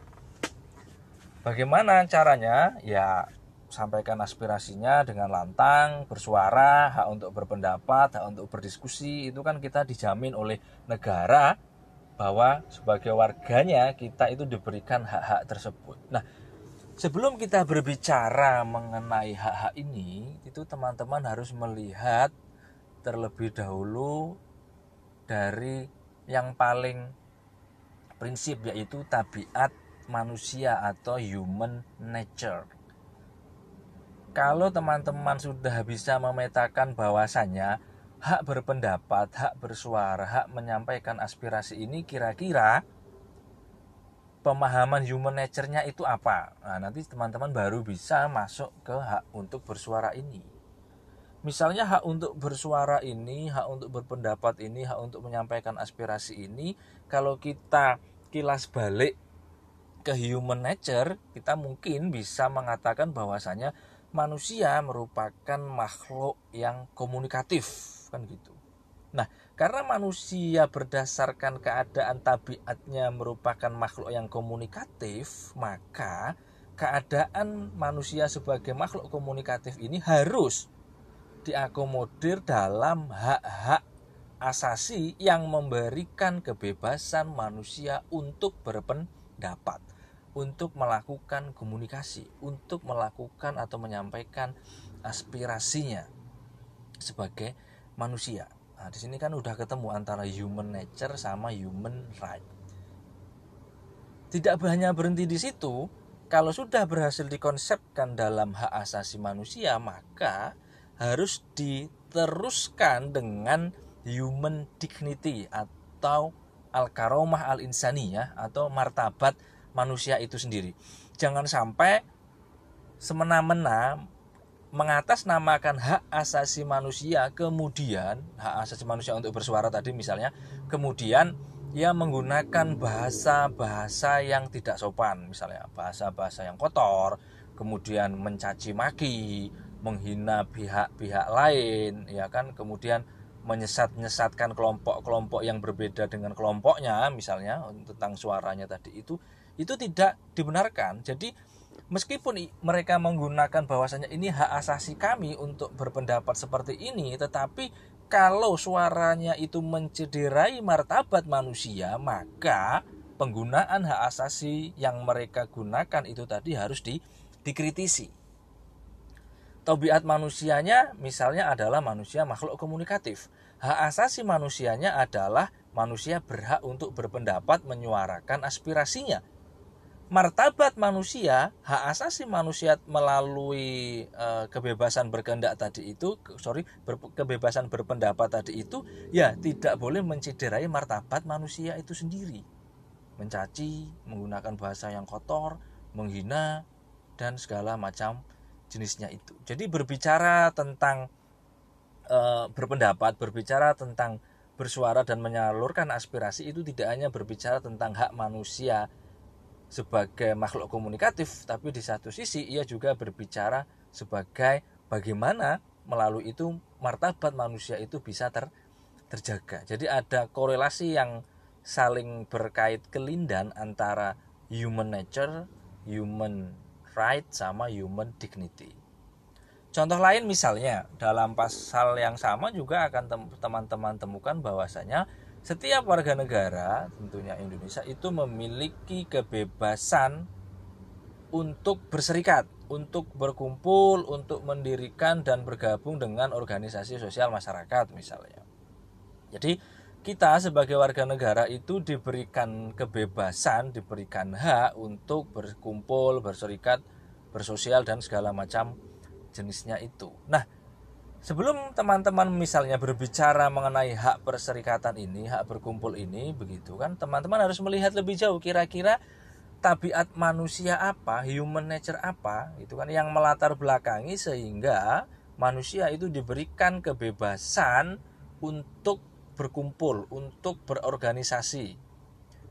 Nah, dari kajian human nature gitu kita bisa memetakan bahwasanya manusia merupakan makhluk sosial secara naturalnya. Secara nature manusia itu makhluk sosial, ya kan? Berdasarkan pemahaman human nature ini tadi berarti uh, manusia sebagai makhluk sosial harus diberikan haknya untuk menampilkan untuk mengekspresikan bagaimana mereka dapat bersosial. Nah, itu masuk ke hak asasi manusia. Tetapi jangan lupa tidak bisa semena-mena juga mengatakan bahwasanya ini hak kami untuk bergabung dengan kelompok ini, Anda jangan ngurusi kelompok kami. Tidak bisa demikian karena apa? Jangan lupa di sana masih ada human dignity atau martabat manusia ya kan jadi human nature human right ini perlu dikorelasikan dengan human dignity juga jadi tidak bisa sekali lagi semena-mena dengan kemudian misalnya bergabung dengan kelompok yang ekstrim dengan kelompok yang radikal dengan kelompok yang menyesat-nyesatkan atau meresahkan masyarakat mengatasnamakan hak asasi manusia tidak bisa demikian. Karena apa? Karena ada martabat manusia yang harus dijaga di sana. Yaitu apa? Manusia e, martabat manusia yang paling e, esensial atau yang paling prinsipil itu kan hidup damai tenang kemudian toleran moderat satu sama lain seperti itu. Jadi jangan sampai mengatasnamakan hak asasi manusia bergabung dengan kelompok tertentu kemudian mencederai martabat manusia itu sendiri. Nah Seandainya ada kelompok-kelompok yang radikal, anarkis, ekstrim dan bahasa seterusnya itu kemudian mereka mendakwakan bahwasanya ini hak asasi kami untuk melakukan atau bergabung dengan kelompok ini dengan kegiatan seperti ini itu harus dikritisi. Karena apa? Meskipun ia tidak menyalahi human nature sebagai makhluk sosial tetapi dia sedang mencederai human dignity itu sendiri. Nah, jadi di sini di kelas ini saya harap teman-teman bisa memahami bahwasanya selain human right, selain hak asasi manusia, teman-teman harus bisa melacaknya terlebih dahulu berdasarkan human nature-nya atau atobiah al insanianya, kemudian dikorelasikan dengan human dignity atau al karomah al insani atau martabat manusia itu sendiri. Jadi kalau ketiganya ini bisa hadir secara bersamaan, maka teman-teman akan memiliki pemahaman tentang hak-hak kemanusiaan yang komprehensif. Saya pikir itu dulu. Kita ketemu minggu depan. Saya akhiri. Walau alam. Assalamualaikum warahmatullahi wabarakatuh